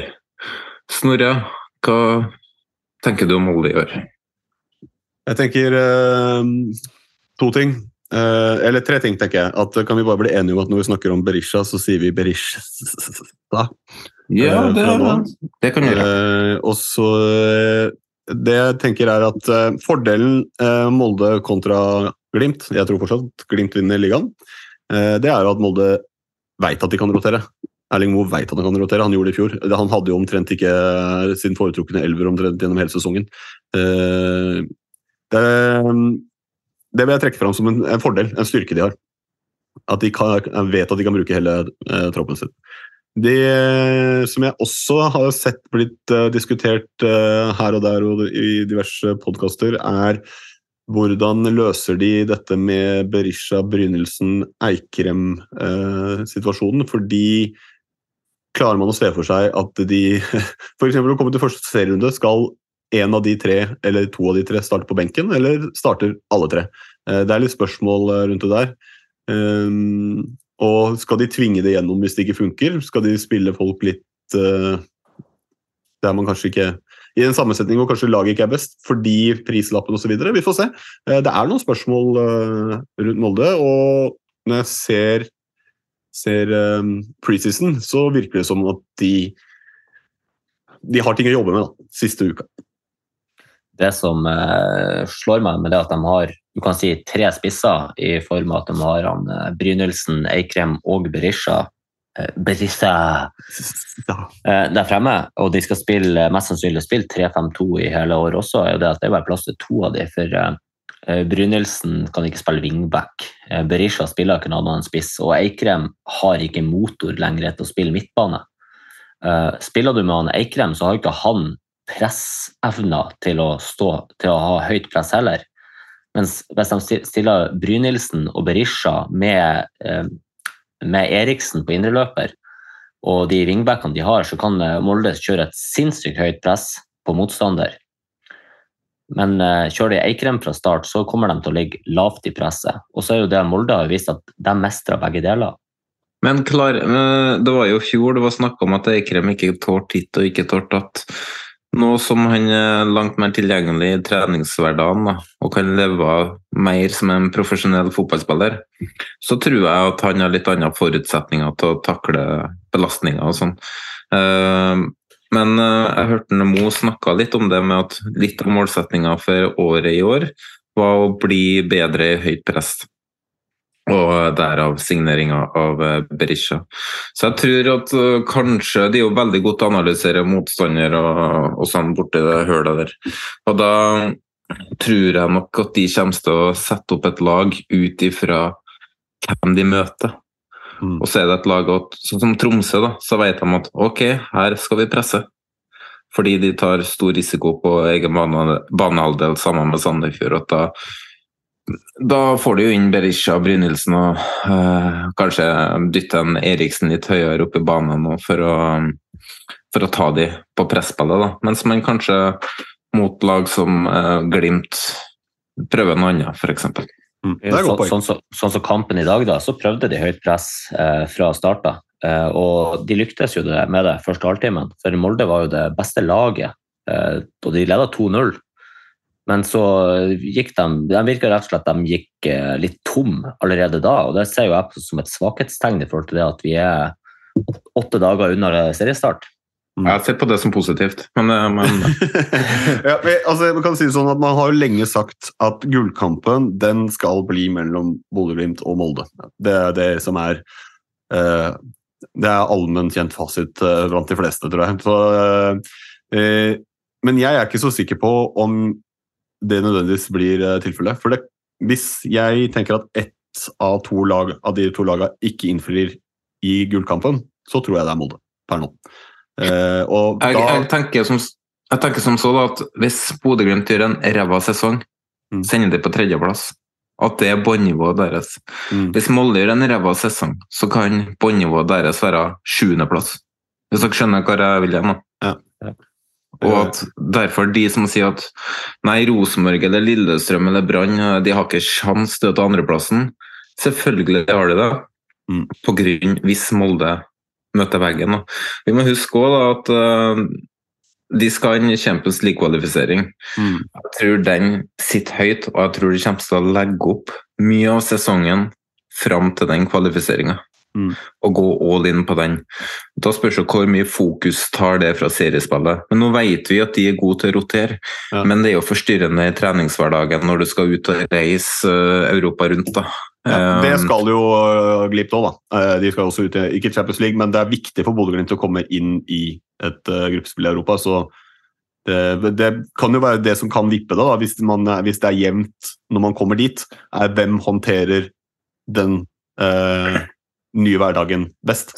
Ser man sånn på det, så kan jo det være fordel Brann i det hele. For Ja, eh, vi, ja. vi vet allerede at både Rosenborg, Glimt og Molde skal jo til Europa. Og Kanskje har- Brann òg? Kanskje Brann òg? Jo da, eh, det er jo sant. Cupen har jo både Brann og Lillestrøm muligheten. Eh, Brann har ett lodd i potten blant fire, og Lillestrøm har to lodd i potten blant fire. Så det er jo Lillestrøm har uansett ett lodd i finalen.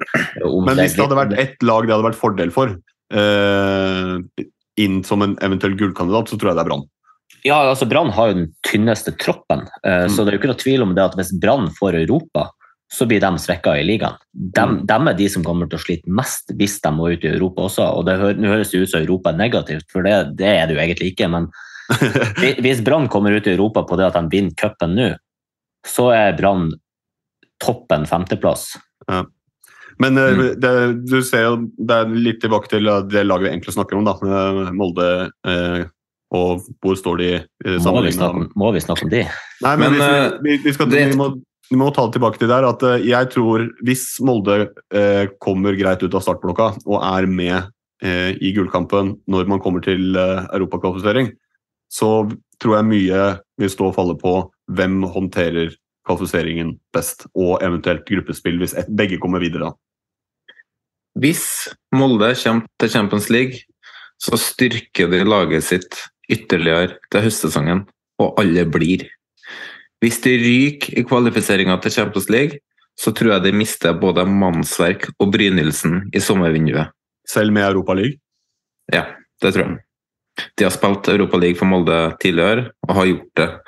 Eh, Men Champions League, det, da tror jeg klubben uansett takker nei til det som kommer. Og så har jo Molde-spillere som drar utenlands en tendens til å spille litt ute. Før de Ja, ja. Og så kan det hende at en Berisha i tillegg eh, forsvinner eh, til sommeren. da. Det vet du ikke. Eller det vet du. Men han, eh, drømmer, han drømmer om å spille for publikummet på Hødvold. Ja. Men ja. Glimt mister kanskje Vetlesen, ja, men de har erstatta han allerede ett år i forveien. Så de er i forkant der. Molde har erstatta mannsverk i Bakke. Johan Bakke. Er han klar?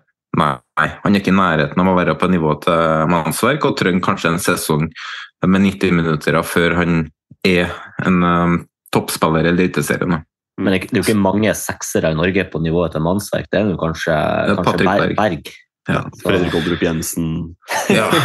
Nei, det, det er de to spillerne. Og de er jo Berg og mannsverk. Fredrik Oldrup Jensen. Nei, Mannsverk og Patrick Berg.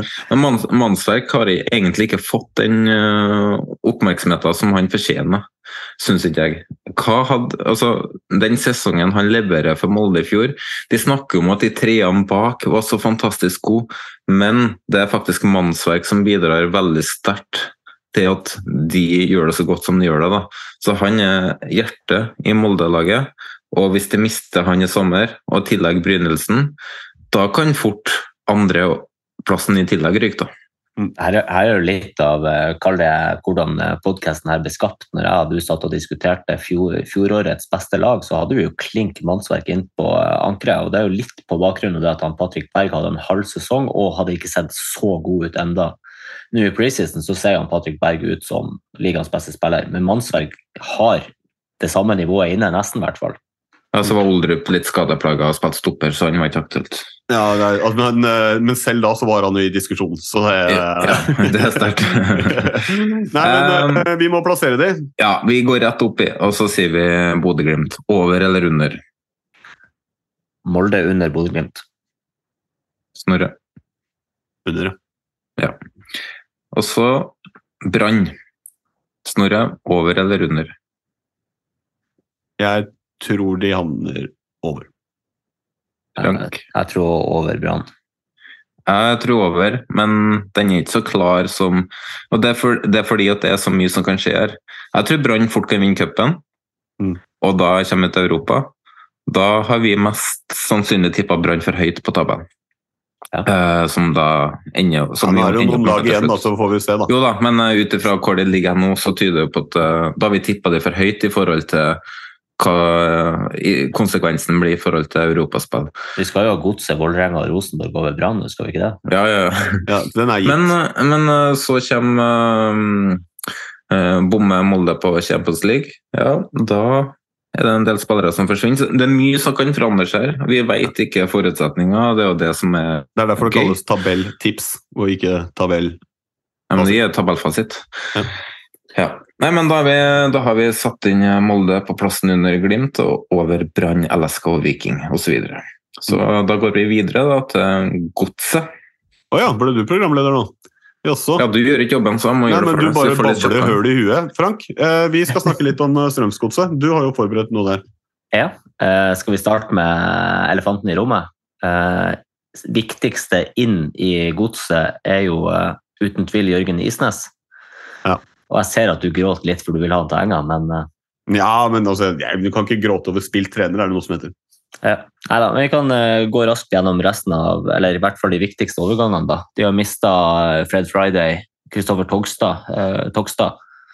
Sånn som jeg forstod det på godsemiljøet, så er vel ikke Togstad noe savn akkurat. Eh, Niklas Gunnarsson og Johan Hove, ikke minst, som var i mine øyne deres beste spiller i fjor. Sto for masse målpoeng også. Eh, inn har kommet Markus Menert, Fredrik Christensen Dahl, Andreas Hereida Randen og Jostein Ekeland. Eh, Preseason har eh, vært litt sånn som så. De har starta med seier mot Fredrikstad, Raufoss, uavgjort mot Kongsvinger og en seier mot Viking. Og så går de på tre strake tap mot Odd, Sarpsborg og Vålerenga, før de slår de brune eh, andre sida av elva. Hva er det han Jonas styrer med nå? Han har teipa trynet sitt. Ja, det er, sånn er det å være bakfull.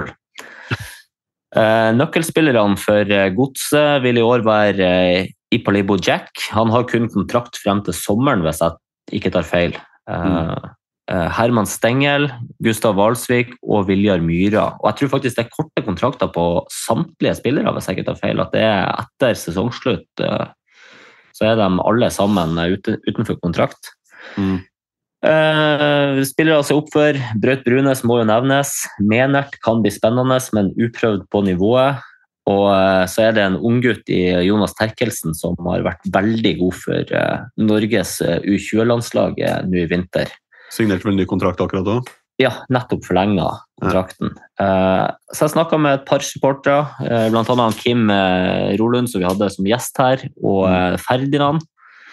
Eh, begge to trekker frem eh, eh, Stengel og Valsvik, bl.a. Kim nevner også Myra, mens Ferdinand nevner Ipablibo Jack. Begge to er enige om at årets gjennombrudd blir Jonas Terkelsen. Har vært god for dem i vinter. De er også veldig spent på, på hvordan godset blir å stille i formasjon, om det blir 4-3-3 eller om det blir 3-5-2. De sier det har vært prøvd litt eh, begge deler. Eh, 4-3 nei, 3-5-2 vil jo eh, gi rom for eh, eh, tre bak, som igjen kan eh, la en unggutt som Eirik Erik Blikstad få minutter i Forsvaret. Eh, ja. Ja. De er begge to eh, enige om at eh, Braut Brunes eh, blir viktig for å eh, skåre mål. Eh, Ferdinand nevner også eh, dette med at hvis de skal spille med to spisser, så må Markus Mernert spille spiss og ikke kant, for de har egentlig ikke noen klare erstattere hvis han Braut Brunes eh, blir ute. Da.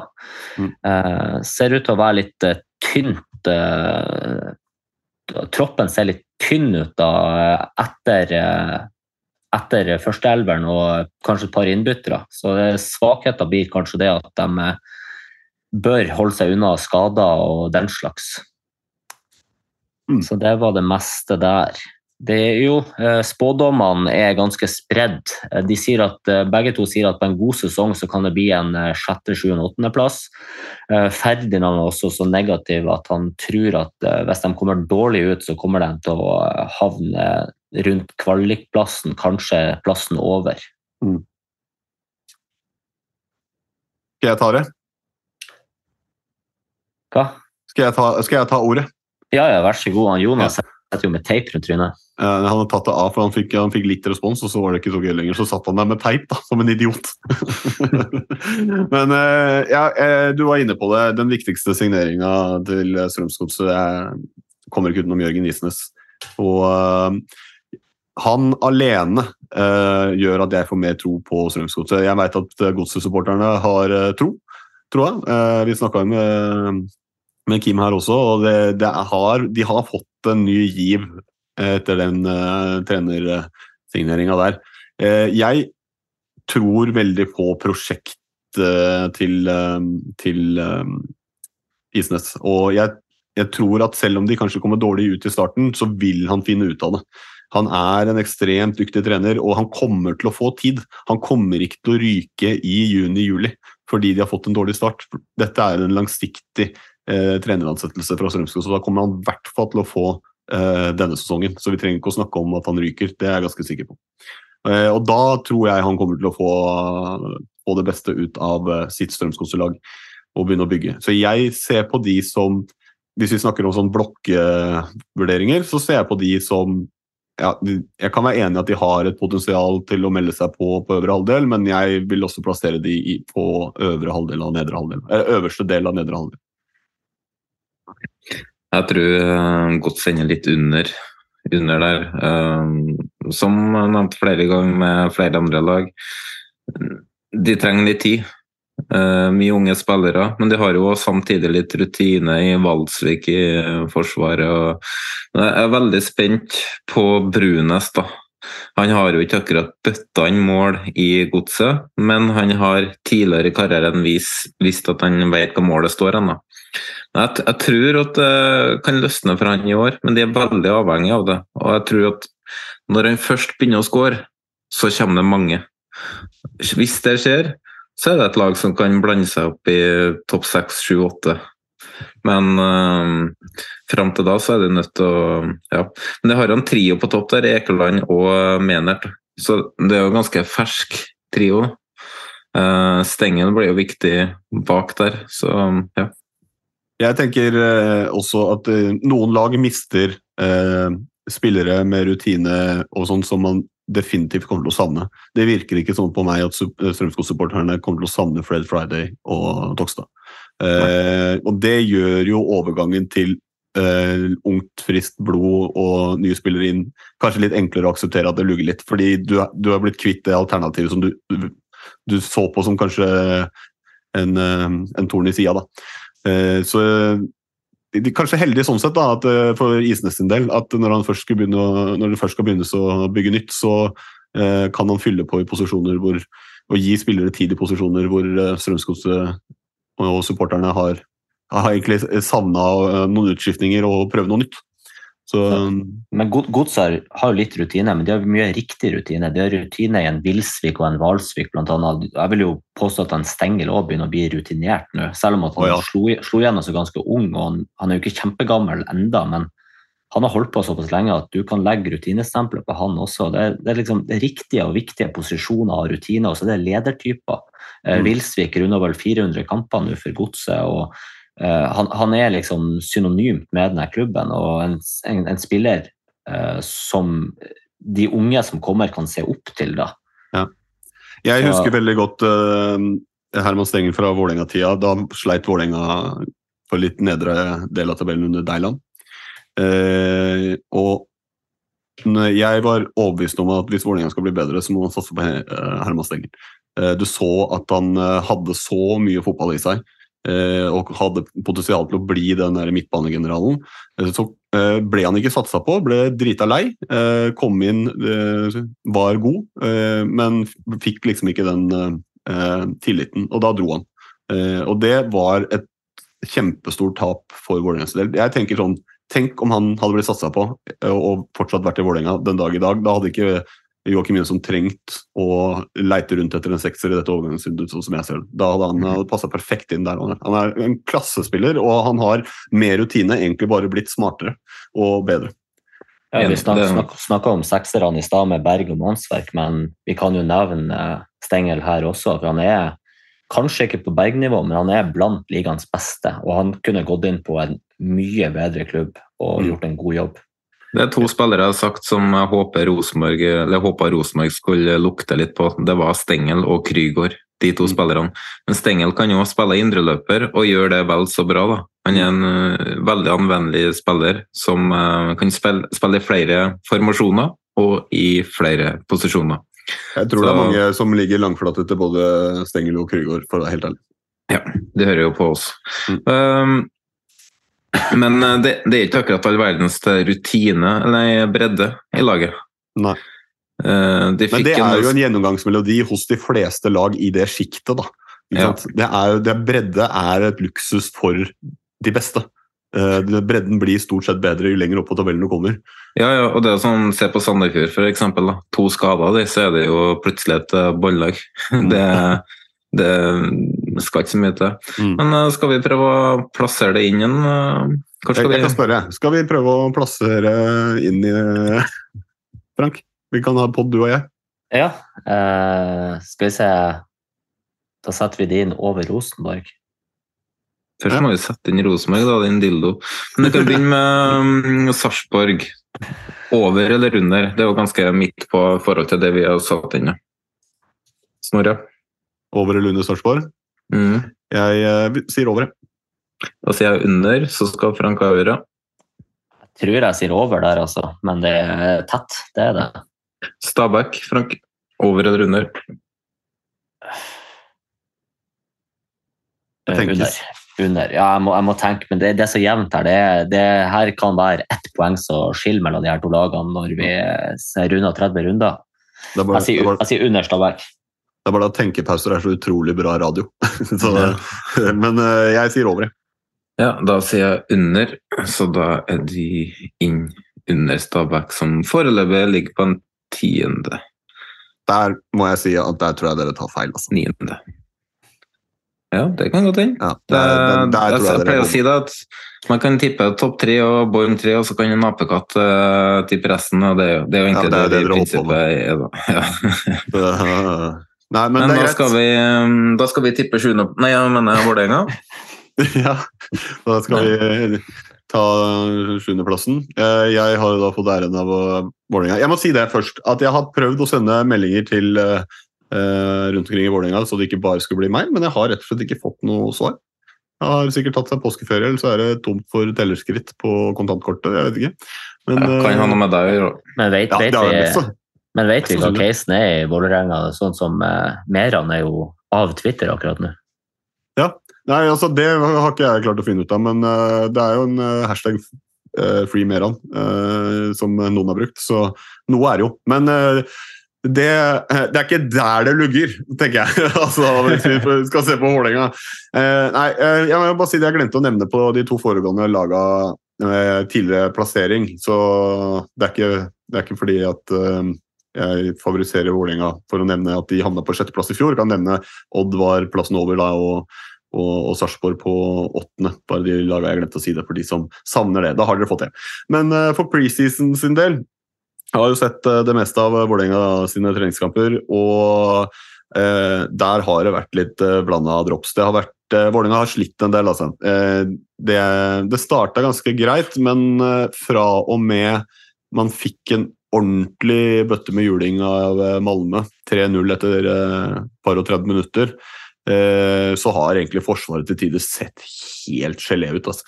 Eh, det er mye av det samme i fjor man ser i treningskampene. At man har mye ball. Man sliter med å skape de helt store sjansene, og når man først skaper de, så brennes de sjansene i litt for stor grad. Så man sliter med å score. Og I tillegg så har man da lagt til eh, det at man eh, sliter med å forsvare seg inn i miksen, og da blir det litt Hawaii. Og det gjenspeiler også resultatene. Det som er eh, typisk, eh, er ikke nødvendigvis at du er eh, Med unntak av Brann, så har man vært eh, var man stort sett dårlig i hele matchen. Eh, men eh, det som var typisk, er at du har gjerne hatt omganger. Første omgangen har stort sett vært krise, andre omgangen har vært bedre. Fått gjort justeringer. Man er bedre i forsvar og er bedre i angrep. og F.eks. mot Strømsgodset tok man en tidlig ledelse, eh, havner under til pause, og så snur man i andre omgang. Men totalt sett under ett så er jo den kampen eh, altfor dårlig eh, i prestasjonene. Så det varierer ekstremt, og det er vanskelig å, å være superpositiv da, eh, med, med det man har sett. Men eh, det har vært handla litt. Før sesongen kan nevne det, så sa både Fagermo og Joakim eh, Jonsson eh, egentlig siden slutten av forrige sesong at vi skulle styrke sentrallinja, var målet. Eh, det har man vel kun delvis klart, for inn har man eh, endt opp med Henrik Heggheim eh, på lån fra Brøndby. eh, I tillegg til Aron Kiel Olsen, som eh, skal eh, erstatte på midt, eh, Tollos Nation, da, eh, som forsvant, eh, la opp etter i fjor. Eh, også når man skal forsterke sentrallinja, så tenker ikke jeg automatisk at det har så veldig mye med kanter å gjøre, men det er der man har henta mest. da, kant eh, eh, Og litt sånn indreløper. Men eh, Vitinho, eh, spennende brasilianer inn. Omar eh, Bolli Dramme eh, fra Grorud. Daniel Haakons, Mohammed Ofkir. Eh, og da også Jakob Storvik som en eh, keeperutfordrer til Sjøengene. Men det har blitt henta mye kant, da. Eh, og ut har det gått en del kant, så store eh, utskiftninger der. Eh, Osama Sarawi forsvant til Herinfeen, Amor Slangioni forsvant til eh, Australia. Eh, Tobias Christensen eh, dro. Henrik Udal eh, og Brynjar Ingi Bjarnason eh, har alle forlatt. Eh, Den siste der er vel kanskje ikke noen som er spesielt lei seg for, for det funka ikke i Vålerenga. Men eh, den nest siste, Henrik Udal, den figuren tror jeg de fleste eh, supportere kommer til å savne. Eh, nøkkelspillere for Vålerenga. Eh, da må jeg selvfølgelig si at eh, det blir ekstremt viktig å ha en skadefri Stefan Strandberg når man først ikke fikk henta den eh, klinkmakkeren. Nå har du to som utfordrer om den plassen, vil jeg si. Eh, men jeg tror for det offensive sin del så blir det også ekstremt viktig å få i gang eh, Odin Tiago Holm. Eh, Jakob Dikko Eng blir veldig viktig hvis man skal produsere, erstatte målpoeng og assist fra Amor Lajoni og Samu Sarawi. Men kanskje viktigst, uh, viktigst av alt er å få en bedre utgave av Henrik Bjørdal, vil jeg kanskje si. Men uh, Stefan Strandberg er jo kanskje den viktigste nøkkelspilleren. Men det handler om skader, tror jeg. Uh, one to watch, morotips, er selvfølgelig Vitinho. Det kan bli gull, det kan bli Gråstein. Men hvis ikke det blir han, så følg litt ekstra med på Bekker Isnes. Kanskje få Jatta med gjennombruddet sitt som spiss. Eh, tror jeg, man skal, jeg tror ikke den spissplassen til Børven er 100 trygg. Eh, og så eh, tror jeg kanskje eh, Han er kanskje litt eldre til å være sånn supertalent, men Daniel Haakons. Den kan også være morsom å følge med på. Men Skal vi remse opp alle, eller? Nei, nei, men eh, det, det er vanskelig å bestemme seg, for det er ikke noe som tyder på at det er den spilleren eller den spilleren. Er, Nei, det jeg tror du er inne på noe på Jatta, da. Eh, Men uh, morotipset er selvfølgelig uh, følg med på Vitinho, fordi enten så blir det bra, eller så blir det, blir det superflopp. Det er det jeg tror. Så jeg trekker fra den. Supporterståa, det er sånn som jeg oppfatter det. Veldig blanda, men det er, veldig, det er ikke mange som tror på medalje. det er Kanskje noen. Men de fleste er vel rimelig realistiske i situasjonen man er i. De ser de aller fleste tips, både våre supportere og andre supportere, legges rundt syvendeplass. Mye syvendeplass. Uh, det det er kanskje mest optimisme rundt, er tribuneliv og flere solgte sesongkort, og at det kan bli en morsom sesong åkke som. Da. Kjedelig skal det i hvert fall ikke bli. Ja, Øh, det var det, eller? Ja, og så var det Nei da, det var det. det, var det. Nei, eh, Vålerenga har jeg veldig lite tro på i år. Og når det i tillegg nå begynner å gå litt sånn rykter om eh, intern uro og sånn, så er det ikke veldig positivt. da. Man sitter jo egentlig igjen med en følelse når Hvor lenge får Fagermo sitte nå? Mm. Starta sesongen i fjor uh, der det så ut som et uh, lag som skulle kjempe om å overleve. Så fikk det en uh, lang periode som dro de oppover på tabellen, før de slukna litt på slutten igjen. Det, ja, Strandberg viktig og hun holde skadefri. Sjansen for at han er skadefri, da, den er jo liten. Veldig liten. Mm. Ja, jeg tror ikke jeg Eh, vil, vil si ikke eh, holde helt skadefri, men mest mulig skadefri. Ja, men jeg, tror- jeg tror at hvis han spiller over halvparten av kampene, så er det heldig, liksom. Det er der. Men nå har han jo holdt seg litt skadefri i preseason, da. men nå, vi får se med kunstgresskamper og eh, belastning. Det er jo ikke noe Europa å tenke på, så, men han har jo landslaget igjen, så vi får se. Men uh, jeg har veldig lite trua på Vålerenga. og jeg- jeg- jeg- det mangler mye der også. Eh, kvalitet, rett og slett. Og nå skal plutselig er man litt avhengig av Diko Eng, da. Og ja, Diko Eng er et kjempetalent, men hva, han, hva har han visst på toppnivå over tid fra før? Ja, det kan bli bra, men det er mye ansvar som hviler på hans skuldre nå. Så spørsmålet om han takler det presset, da. Eh, spissplass, det ser tynt ut. Jatta syns jeg ser spennende ut, men vi vet jo hvor glad Fagermo er i Børven. Man må trekke Eh, fram at uh, hvis det er én spiller som kan ta fra eh, Børven-plassen, så er det Jatta, for det er en Fagermo-favoritt. Eh, så det er viktig å ha med i bakhuet. Og han har sett uh, bra ut. Men er det bra nok? Det Nei, det, det, er det, vet jeg ikke, men uh, altså, det er alltid bedre å spille med den beste spissen. Og Ja, han, ser han ser ut som den beste spissen. Eh, Ja, by far. Og han hadde også to eh, bra goller på U-landslagssamling også. Eh, Mm. Så han er i form, da. Så Børven eh, skal jobbe for plassen sin. Det er jeg i hvert fall sikker på. Jeg tror, jeg tror Vålerenga skal slite da, med å komme topp sjuer. Børven eh, spiller fast eh, frem til sommeren. Eh, så får Fagermo sparken, og uka etterpå så er Børven solgt til Odd, som ikke har spiss, for Midtskogen er ikke spiss. Ja, good call. Du hørte det først der. Eh, nei, men jeg, jeg, jeg, det er vanskelig å være 100 uenig. Det som Vålerenga-hjertet mitt klamrer seg til, da, er at uh, du har en veldig spennende tropp med veldig mye talent. Uh, det er vanskelig å se for seg at ingen tar steg. Så gjelder det gjenstår å se om nok tar steg til at du kan melde deg på i noe som helst. Men jeg tror man kommer til å få se mye av Dikko Eng. Jeg tror Bekker Isnes får mye spilletid, har fått mye i oppkjøringa. Eh, og så er det jo ikke gamle karer i eh, Aron Kiel Olsen og Heggheim også, så i egentlig alle ledd så kan du ha Altså Jatta er jo eh, Han er vel Han var ikke fylt 20 engang, han heller. Så det er liksom det, det er, Noen må vel få det til, tenker jeg. Og da gjenstår det bare om det er nok, da. Eh, og det er jeg ikke så sikker på, fordi det har ikke sett sånn ut til nå i treningskampene. det har ikke det.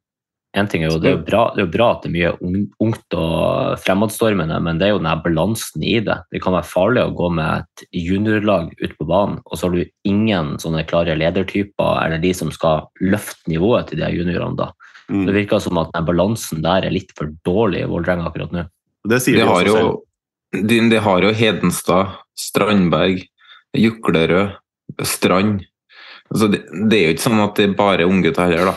Så Bjørdal altså, men, Men mye av det her eldre er det ikke godt nok nivå på. Da er det, bedre, det er bedre å gå med en unggutt som kan utvikle seg, enn å gå med en kar som egentlig er på siste vers i karrieren og ikke Odin, tatt Odin Tiago Holm, veldig avhengig av han. Veldig skadeutsatt. skade, Og- skadeutsatt og enormt varierende i prestasjoner. Alt fra en av ligaens beste midtbanespillere til å være helt usynlig. Ja, han blir veldig fort hypa når han gjør en god kamp, men uh, han er jo en bra fotballspiller for all del. Men, uh, og hvis han holdt seg skadefri nå, hva skjer etter sommeren? Blir han solgt?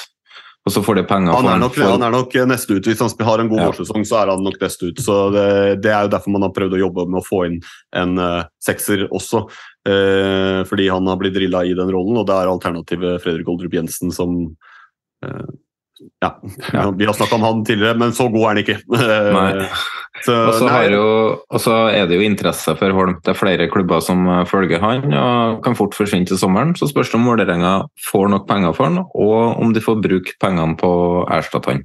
Mm. Men eh, så skal vi begynne å se litt på tabellen her, da. Vi kan jo begynne med den sjuendeplassen som Viking har akkurat nå. Over eller under Snorre? akkurat nå under. Frank? Under. Enig. Snorre, Haugesund over eller under? Jeg tror over. Jeg har de under. Hva sier du, Frank? Jeg tror at når vi har spilt 30 kamper, så er Vålerenga over Haugesund. Men akkurat nå ser det egentlig mørkt ut. Men jeg sier over. Over. Da er de inn på Oi, nå gjorde jeg feil. Da er de inn på en um, Nei, hva det blir Jo, De, de eh, inne på sjuendeplass nå. faktisk. Og nå, har- nå er ikke sjuendeplass for at vi skal være morsomme. De er for, der fordi vi mener det er der styrke, styrkeforholdene er nå, da. Jeg sa, jeg sa Men, til det eh, er for morsomt. Ja. Men da gjenstår det ett lag, da. Ja, det gjør det. Og Eh, det har vi satt av eh, 30 sekunder til å prate om. Det er ja. Rosenborg. trenger ikke mer. Eh, Det er jo kanskje laget som er vanskeligst å plassere i år, da, for veldig mange. Det varierer veldig hvor eh, man setter Rosenborg hen. eh.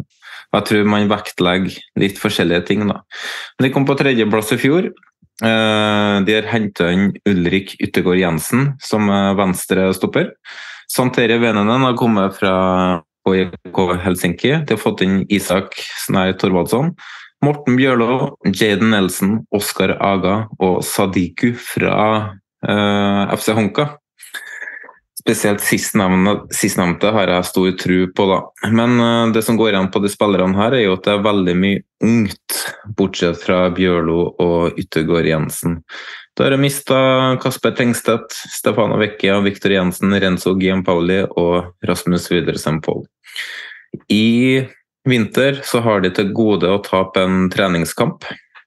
Eh, De har fire seire og fem uavgjort, og så tapte de cupkamp mot Viking. Eh, Det som går igjen her, da, er at de slipper jo inn veldig få mål. Og de ser faktisk ganske solide ut bakover på banen.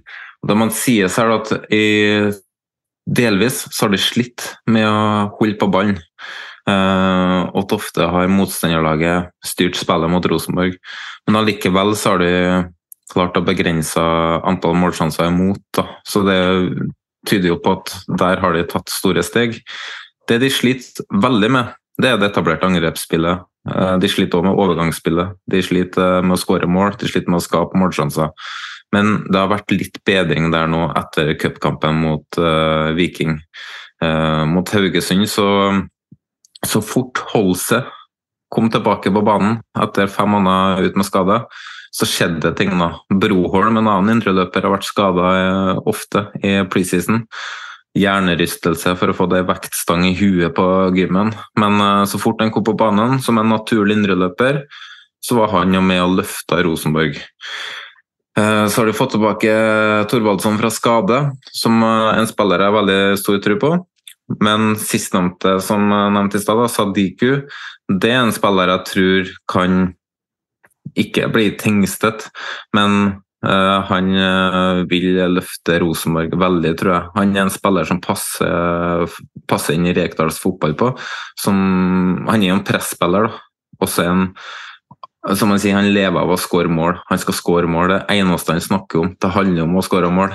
Så en spiller med bra mentalitet som har kommet inn der. Nøkkelspillet for Rosenborg, det er jo ikke noe tvil, det er Carlo Holse. Og han har vi mangla i stort sett alle treningskampene, og det har, man, det har vært synlig. Uh, så har det vært synlig at han har kommet tilbake nå og fikk 55 minutter i går, da. Uh, Want to watch har jeg skrevet uh, Isak Thorvaldsson, men det var Jeg laga jo det her før Sadiku signerte, så jeg endrer på den nå. I supportermiljøet til Rosenborg er det veldig blanda. Skeptikerne tror at Rosenborg ender på fjerde til sjetteplass. Det er knapt folk som tror på gull, de tror jeg bare setter de der for å gjøre det. Uh, og så er forventningene om topp tre, da. Uh, og så har det budsjettert selvfølgelig med sølv. Um, jeg, har, jeg er veldig usikker på Rosenborg i år. Uh, når vi satt her i januar, så trodde jo alle vi at Rosenborg skulle kjempe om gull i år, og så forsvant Tengstedt. Og så har det forsvunnet flere spillere etterpå da, som har gjort at de har blitt svekka offensivt. Men jeg tror det nyeste signeringene, som nevnt Sadiku, vil være med å løfte uh, Rosenborg i år. Det at Holse kommer tilbake, som sagt.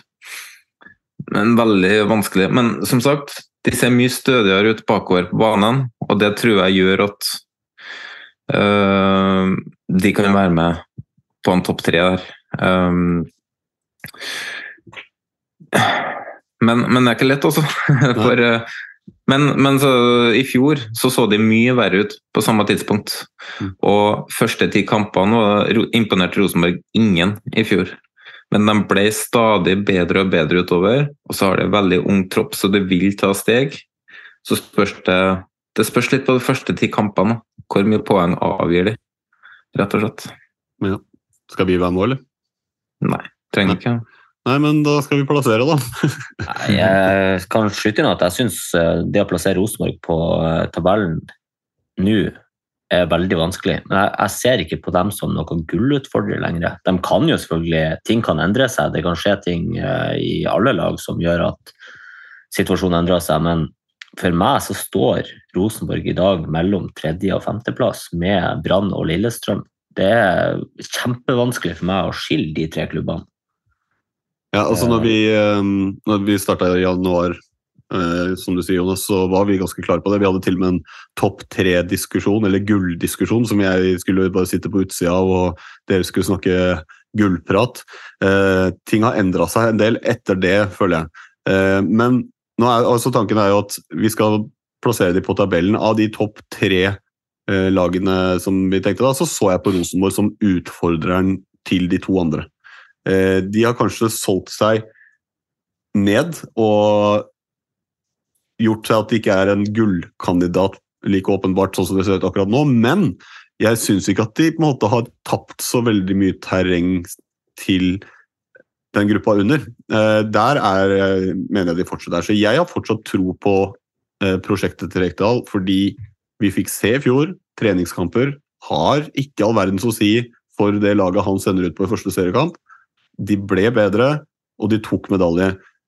Så gjenstår det å se i år, da. De starta tross alt uten Tengstedt i fjor òg, og hvis de får en, eh, en bra spiller i han Finnen som kom nå, så kan det være den brikken som de mangler.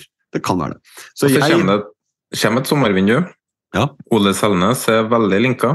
Mm. Så, så eh, selv om jeg vil si at vi har gått fra tre lag til å kjempe, ha gullkamp, til eh, to, akkurat nå, mm. så mener jeg at de fortsatt er en solklar medaljekandidat, og det har ikke endra seg hos meg. Nei. Eh, det er um, Jeg tror fort at Rosenborg kan være det laget som slipper inn minst mål i år. Uh, hvis man ser trenden fra treningskampene. Nå har ikke Rosenborg møtt noe storlag akkurat, men, uh, men ut ifra hvordan de er organisert bakover på banen, så er det litt mer kynisme inn i bildet der. Mm. Uh, og med Holse tilbake, så tror jeg de er langt bedre rusta til å holde mye mer på ball. da. at at mot... Jeg, jeg tror det at de fikk inn han uh, Ulrik Yttergård Jensen med venstre, venstrefot, eh, venstre midtstopper, er veldig viktig. Uh, så- Spørs om han holder seg skadefri, da. Han Jo blir da, ofte han- skada. Han, har vel vært skada nå i preseason også. og uh, En av de tingene jeg biter meg merke i, er at han Henriksen har vært langt ifra så solid nå som han var deler av fjorårssesongen. Mm. Hvis han Henriksen ikke kan være den klippa for Rosenborg i år som de hadde i fjor, så kan det godt hende at målene begynner å ry inn når Rosenborg skal møte god motstand. Mm. Det er samme midtstopperen da, som drev og tapte 3-0 mot Raufoss i, i fjor. da. Så det er godt mulig han hever seg ved hakket når det begynner å deles ut poeng. Må skyte inn at Henriksen har starta siste to kampene som midtbanespiller. Men uh, han ble flytta ned som stopper i går etter 26 minutter fordi at uh, Yttergård Jensen fikk seg en smell i huet. Og um, Han kan jo være en grei midt, midtbanespiller uh, enda han, så um, det kommer litt an på. Da er det Roger som har uh, spilt uh, midtstopper, så det er jo en løsning som kan bli Jeg tror det blir sånn på starten, da. Det tror jeg. Eh, og så, av de nye som har kommet inn, Terje Venenen, han kommer til å bli god, men han trenger jo tid. Mm. Han, han var en av de beste ballvinnerne i Europaligaen i fjor. Eh, ekstremt gode stats, men han er litt for dårlig med ball, eh, så han må ta litt steg der. der. Eh, og Og er, er det ikke fem spillere som konkurrerer om to spissplasser nå, hvis du tar med Ole Sæter? Ja, men Ole Sæter kan fort være ferdig nå, altså. Fordi, Jo, jo, jo men, men la oss si at det er fem stykker. da. Du skal finne den spissduoen også. Det er, Ja. det, er, det er mange nye, så det er et usikkerhetsmoment der òg. De skal finne en duo, og uh, de kommer til å gå se etter typer da, når de plukker ut den duoen. De vil jo ha gjerne en litt sånn stor en som kan ta ned når de må slå langt, og så vil de ha en som truer, truer bakrom. Sadiku og Aga vil jo være en av de som truer rom, kanskje og Isak, nei, um, kanskje og um, Ingasson. Og in, nettopp Ingasson uh, vil jeg nevne litt. da. Han skåra to mål for Rosenborg i går. Og han skåra to mål i siste U21-landskamp for Island. Han virker å komme, være i ordentlig form nå, også. Og det er en eh, veldig god spiller. Og de kommer så til å variere mye mer mellom 3-4-3 og 3-5-2. I vinter så har det- sett mye bedre ut i 3-5 nei, 3-4-3, men allikevel så har det fortsatt å spille 3-5-2. Og i en 3-4-3 så er jo, eh, så er jo Ingasson en eh, meget god venstretier. Så han er en eh, spiller som uh, uh, kan skape ting for Rosenborg i år. Han, han er en som skaper målsjanser. Han, han er kapabel til å skåre mål og sette opp andre spillere. Da. Så det å få det til å sitte, hvor lang tid trenger de før relasjonene er der? Men de har gode spisser nå. Selv om det er noen som mener at de sliter. Grunnen til at de har slitt til nå, er fordi at laget har slitt med å sette opp i gode situasjoner innenfor motstanderens 16-meter. Og igjen, holde seg tilbake. Det er så viktig. Men får holde seg en ny skade, da? Hva skjer? Da, da har man et problem. Men uh, han har jo ikke vært noe skada tidligere. Det var én kneskade nå som, er, som han har kommet seg etter. Så um, ja. Det, og nettopp det at Holser kommer tilbake, det tror jeg er nok til at de fort blir med og kjemper om en topp tre. Og det kan komme høyere opp da hvis et av lagene over underpresterer. Det jeg tror, er at Rosenborg tar flere poeng enn i fjor. Det tror jeg. Så spørs det, da. hvor Også Molde tar færre poeng enn i fjor. Om det er nok, rett og slett? Ja. Og så så kan det hende at Rosenborg tar flere poeng enn i fjor og likevel ender på fjerdeplass. Det vet vi jo ikke. Ja, så, Så- sånn er det jo.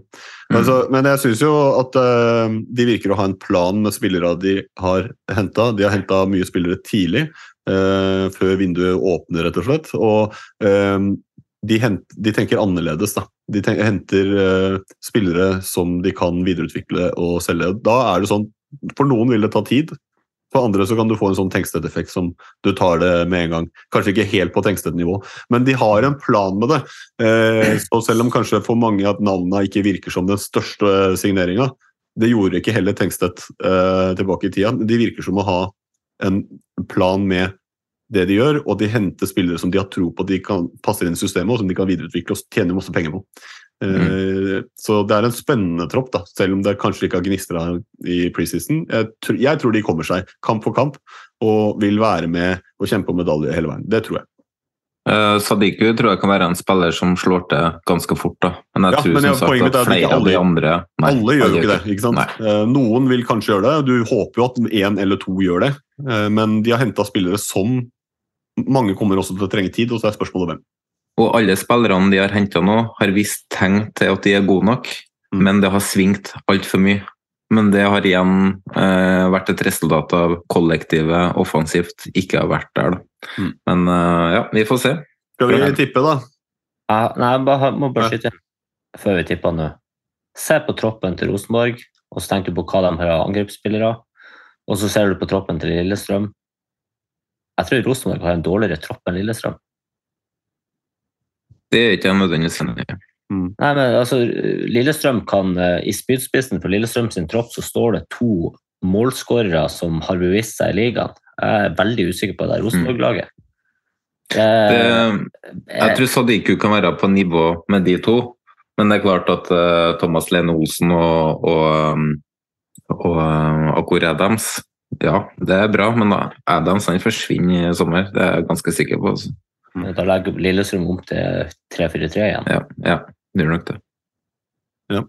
Nei, jeg syns det, eh, synes det er vanskelig med Rosenborg, rett og slett. Skal vi tippe? Ja. over eller under HamKam? Nei da.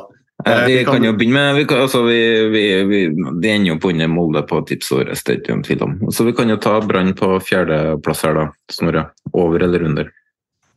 Jeg ehm, Jeg tror eh, de havner eh, over. Frank? Jeg tror at Ja, det er faen meg vanskelig. Nei, jeg sier under. Ja, da jeg, Denne her er vanskelig òg. Jeg tror Brann vinner cupen. Knuser Bodø-Glimt i finalen.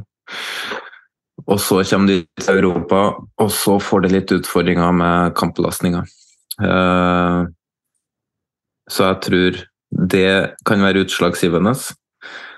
En annen ting, Brann starter med et større forventningspress nå. De ser jævlig gode ut. Altså, de ser ut som en gullutfordrer akkurat nå. Hva skjer når vi begynner å spille om poeng, og eh, de får press på seg? Det er Brann vi snakker om her.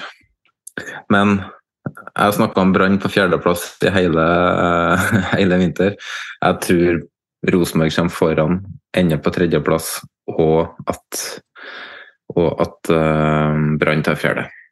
Jeg tror også Brann tar fjerde. Men jeg tror Lillestrøm tar tredje og Rosenborg får femte. Jeg spurte ikke om den. Nei da. Du er søt når du er sur, Frank. Men da har vi tippa hele tabellen før vi Nei, men og Molde, da? Over eller Nei da, vi dropper den. Du starta jo med at vi havner rundt Molde, så da, da har vi hele tabellen. Ja, vi har det. og vi, før vi eh, oppsummerer hele den, eh, så skal vi eh, gjennom eh, aller siste del av Den 69. manns påskekrim. Påskekrim. hvem kan det være? Hvem kan det være? Den 69. mann presenterer Påskekrim-Jim, et mordmysterie i fire deler. Del fire. En lang dag gikk mot slutten, eller det vil si, siden man var i Bodø var det ikke mulig å si når på døgnet det var, fordi det hadde vært pissmørkt hele dagen. Men Krim-Jim var sliten, så han følte i hvert fall at det hadde vært en lang dag. Han bestemte seg for å sjekke inn på Bodøs mest fasjonable hotell, Bodø bobilparkering. Ah, det heva midt i blinken for en mann av min klasse. sa han før han la seg på høymadrassen. Han stirret i taket og grublet på hvem som kunne gjort dette. Hva er det å gjøre, oversett? Hva er det som mangler? Sakte gled øynene til krimium igjen, og han kjente på en ro før det plutselig duret i telefonen. Det var en e-post fra Ole Gunnar Solskjærer at hotmail.com med en lydfil som vedlegg med tittelen Hør alene. Han trykket play, eller rettere sagt, trykket han først på alt mulig annet fordi de sleipe fingrene slet med å treffe knappen. Ah, skulle ha vært penger. Da hadde fingrene mine visst hvordan de skulle oppføre seg. 69 minutter senere, Når han endelig fikk i gang avspillingen, hørte han en samtale mellom Kjetil Knutsen og en fordreid, mørk stemme som diskuterte høylytt. Knutsen hadde sagt at det var uaktuelt å hente han til Glimt. Den fordreide stemmen hadde blitt enda høyere, og skrek at han krevde overgang umiddelbart. Han krevde også at han skulle få samme draktnummer som i dag hos sin eksisterende klubb. Knutsen hadde bare ledd hånlig og svart at både draktnummeret og plassen nå tilhørte Marius. Det siste man hørte, var at Knutsen lo, før knitrelyd av papir som krøllet sammen, ble erstattet av gisping og gurgling. Nå veit de hvem som har gjort det. Nå veit de hvem jeg må få ut av landet og til Russland umiddelbart. Jeg burde egentlig gå til politiet, men det er det ikke penger i, og jeg har ikke moral heller. Vet du hvem som drepte Knutsen? Send ditt svar til Den 69. mann podkast. Da skal du ha nok eh, informasjon til å finne ut hvem var det som tok livet av eh, Kjetil Knutsen. De aller fleste i Norge har jo et motiv for det, så det er jo bare å legge hodet i bløt og finne ut hvem var det som faktisk gjorde det. Men eh, det er også å minne om at nå har vi vært gjennom alle lag, så se gjerne på tabellen når den blir lagt ut, og se om du ser mønsteret. Jeg må bare nevne det. Eh, det er den siste gang vi nevner våre påskegåter. Eh, vi skal bevege oss eh, videre til litt kjappe spådommer.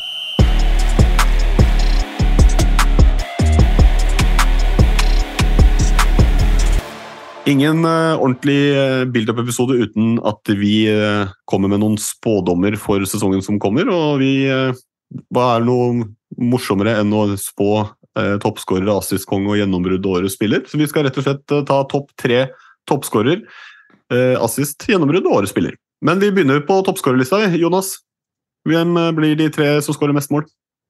De tre som uh, skårer mest mål, ikke i rekkefølge, men jeg har Jo, i Pelle. rekkefølge. I rekkefølge? Ja, ja. Ok. Ja, ja. Da sier jeg Pelle, Sadiku, Finne. Eh, Pellegrino, Berisha, Lene Olsen. Jeg eh, har lyst til å si eh, Pellegrino, men jeg har også lyst til å si Lene Olsen, og så Bård Finn. Ikke Da- noe Børven? Eh, altså, han kommer til å få årets gjennombrudd, da. Men eh, topp topp tre assistkonge, da. Vi tar samme rekkefølge, Jonas. Ja, assistkonge. Um, Gjermund Osen, Carlo Holse og Grønbæk, tipper jeg. Frank? Uh, Wolf Eikrem, Vetlesen og Aasen. Da sier jeg uh, Jeg tror uh, Vetlesen har så mange at, at før han blir solgt, at han fortsatt sniker den. Uh, Jeg får ikke filma seg til straffespark i år, vet du. Med VAR. Nei, men du Ja, sånn, ja. Men du teller det som en assist, du? Ja, ja, ja, det er assist. ok. Ja, på Fantasy. Nei, nei, men det er assist i Football Manager. Da stemmer det. Ja, ja. Det, det, men uansett, da. Jeg tror Vetlesen eh, er med på lista, og at han vinner til slutt, selv om han blir solgt. Jeg tipper han blir solgt liksom seint i august, da Bodø-Glimt uh, har han i en stund. Men du henter han tilbake igjen da, 31. Så. Og så sier jeg uh, Og så sier jeg Rasmussen. Mathias Rasmussen. Og, Ja, det er han jeg tenkte ikke på. og eh, Gjermund Aasen. Nei, jeg, nei, jeg glemte uh, Gjermund Aasen. Jeg Karl Holsen. Gjermund Aasen var nesten med. Sånn var det. Jeg glemte Rasmussen her. Han burde jeg selvfølgelig ha hatt på lista. Men samme det. Okay, jeg bare, jeg bare, sier, jeg bare tar eh, den eh, en gang til, fordi det ble veldig rot. Jeg går for Hvem var det jeg sa? Nå er jeg så sliten. Vetlesen, Rasmussen og Holse. Takk. Ok, da går vi eh, rett og slett eh, videre til eh, topp tre gjennombrudd. Her kan det være litt mer flytende, da. Her er det ikke så målbart, men topp tre gjennombrudd i år. Uh. Topp tre gjennombrudd. uh, nei, vi må se litt på tabellen. Eh, Rasmussen, da. Må jo sies der. Han har jo egentlig ikke hatt sitt ordentlige gjennombrudd i Eliteserien. Eh, men um, Sånn sett kan du ta tre brannspillere, nesten. Ja, egentlig kan jeg gjort det. Men Bård Finne har jo Det blir feil å si han, ja. Jo da. Uh, uh, jeg har lyst til å si Sverre Nypan. Mm. Og så tror jeg Diko Eng for, selv om han eh, ikke klarer nok til å løfte Vålerenga altfor høyt, så, så blir det et gjennombrudd. Så en liten shout-out til Al-Saidien i, i Sandefjord. Men eh, ja, det var de tre. Jeg kjører eh, David Møller Wolfe på venstrebacken til Brann. eh, Jonas Terkelsen i Godset. Og Edvin Østbø i Viking. Jeg um, tror årets gjennombrudd blir uh, han Sugelli. Og så eh, har jeg også lyst til å ha med Dick Weng. Jeg har klokketro på at han eh, kommer til å spille så bra at han blir solgt. Eh, og den aller siste Jeg, eh, jeg står fast jeg, på den jeg nevnte i, tidligere. Det, kanskje ikke, det ser åpenbart ut fra start, men uh, eh, Niklas, Niklas Vassberg. Da tar vi til slutt topp tre årets spiller. Her kan du Ja. rangere eller bare ta flytende. Det er samme det. altså. Vetlesen, Holse og Rasmussen. Kjedelig liste. Ja. Eh, Grønbæk, Finne, Lene Olsen. På en forsvarsspiller nå, Snorre. Ja øh, ingen Aldri noen som nevner eh, keepere. vet du. Vålerenga kommer til å få så mye skudd mot seg, så da blir det Sjøeng, Storvik og han derre tredjekeeperen som jeg ikke kan navnet på. Nei, men uh, Det er sjelden man tar med keeper, men kanskje Han har jo allerede fått sitt gjennombrudd, så kanskje han kan bli uh, blant årets spillere. Sjøeng det er ikke utenkelig. Han kan få mye skudd på seg òg. Men uh, jeg også tror Grønbæk tar det. Han kommer til å spille hele sesongen. Og så tror jeg faktisk at det, det blir kanskje vanskelig å komme utenom Patrick Berg. Altså. Han kan fort Mm. bli årets spiller, han. Ja, absolutt. Det hjelper å ha et navn nå, når du skal kåre årets spiller. Ja, så Sjøengen er litt utradisjonell, da de to andre er litt mer safe. Da. Så men Det er eh, spådommene fra den 69. mann, eh, og vi tar ikke noe ansvar for hvis du putter penger på oddsen for det. Men da var vi ved veis ende. Kjapt før vi avslutter og takker litt og sånn. Eh, ta oss gjennom tabellen. Da kan du ta med plasseringa. Ja. Starter fra førsteplass, da. Da blir det gull til Bodø-Glimt. Molde tar andreplassen. Rosenborg på tredje. Brann fjerde. Lillestrøm femte. Viking sjette. Vålerenga syvende, selvfølgelig. Åttende på Haugesund. Niende på Stabæk. Ganske høyt opp. Eh, tiende på Godset. Ellevte på Sarpsborg. Tolvte på Odd. Trettende på Tromsø. Fjortende på Sandefjord. Femtende og 16. på Ålesund og Kamma, som da rykker ned. Ja, Det var synd, men prøv igjen eh, om et år. Så da gjenstår det egentlig bare å takke deg som hører på. Eh, gjelder selvfølgelig å takke Vestfold Lydstudio for eh, jingler, for eh, intromusikk. For, eh, takke Jesper Horten Kjærnes for outromusikk og jingler. Eh, Jan Erik Balto, vår uh, eminente designer som lager uh, promo og merch. Og selvfølgelig Ive Steinsvik og Intune i Bodø for utstyret, som gjør at jeg kan sitte her i, i Beieren med en USB-mikrofon. Tusen takk. I, Bei- I Beieren med banneren. Du, du, du, klarte, du klarte deg to episoder, og så kom du med Det er der du vil slutte? Ja. ja. Jeg, jeg hører det nå. Jeg hører Ja, det nå. Du hørte det nå, ja. Sånn, Mine damer og herrer, Jonas er sliten, altså. Så, Fire men- timer innspilling, og Jonas avslutta med en halvslapp ståkukvits. Ja, Se er- på, se på jammen. Ja. Det er, eh, men eh, så øh, Neste gang vi snakkes, så er sesongen i gang. Jeg gleder meg. Jeg regner med at øh, Frank og Jonas også gleder seg. Men i mellomtida, ta påskeferie, nyt påskesola, kos deg, og så snakkes vi på andre sida av eliteseriestart. Hei da!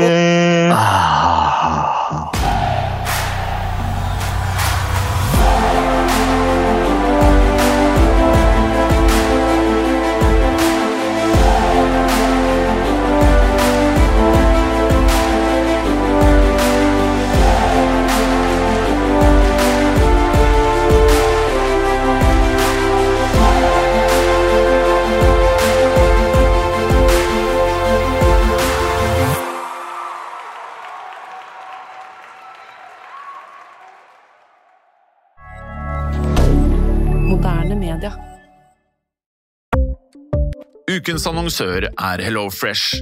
HelloFresh er verdens ledende matkasseleverandør og kan være redningen i en travel hverdag. Mange av oss har nok vandret i butikken både sultne og uten en plan for middagen, som ender med at vi går for de samme kjedelige rettene gang på gang. Middag burde være dagens høydepunkt. Som HelloFresh kan du nå velge mellom 25 ulike retter hver eneste uke, eller få HelloFresh til å sette sammen menyen for deg. Dette gir deg muligheten til å prøve nye og spennende retter alene eller sammen med familien. Du velger antall porsjoner og får alt levert på døren på et tidspunkt som passer for deg. Oppskriftene er enkle, og maten er lett å lage både for store og for små. Ved å få alt levert hjem får du også mer tid til å dele matgleden med familie og venner. Kanskje det frister med asiatiske tacos eller greskinspirert kylling? Da kan jeg anbefale deg om å gå inn på hellofresh.no. Her kan du bruke koden FOTBALL og få opptil 1779 kroner i rabatt på de første fem matkastene hvis du ikke har prøvd HelloFresh tidligere. Du kan også bruke rabatten hvis du har vært kunde og stoppet abonnementet ditt for tolv måneder siden eller lengre. Gå inn på hellofresh.no og bruk koden FOTBALL. Ukens annonsør er Folio, en smartere banktjeneste for deg som har en egen bedrift eller ønsker å starte for deg selv. Folio er en superenkel nettbank for bedrifter. Som kunde i Folio får du en bedriftskonto med et bedriftskort og app. I denne appen er det smarte løsninger som forenkler regnskapet ditt, uansett om du har en liten bedrift eller et enkeltpersonsforetak. Folio er både intuitivt og brukervennlig, og er laget med et enkelt språk. I tillegg tilbyr de forutsigbare priser og ingen skjulte gebyrer. Skulle du likevel trenge det, så kan du snakke med deres raske og hyggelige kundeservice, og der får du prate med en faktisk person og ikke en chatbot. Folio er med andre ord både enklere og koseligere enn banken.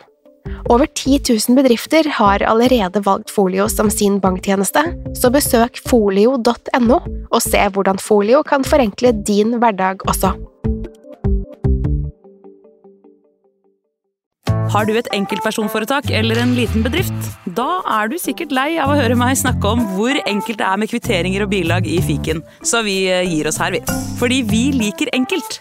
Fiken superenkelt regnskap.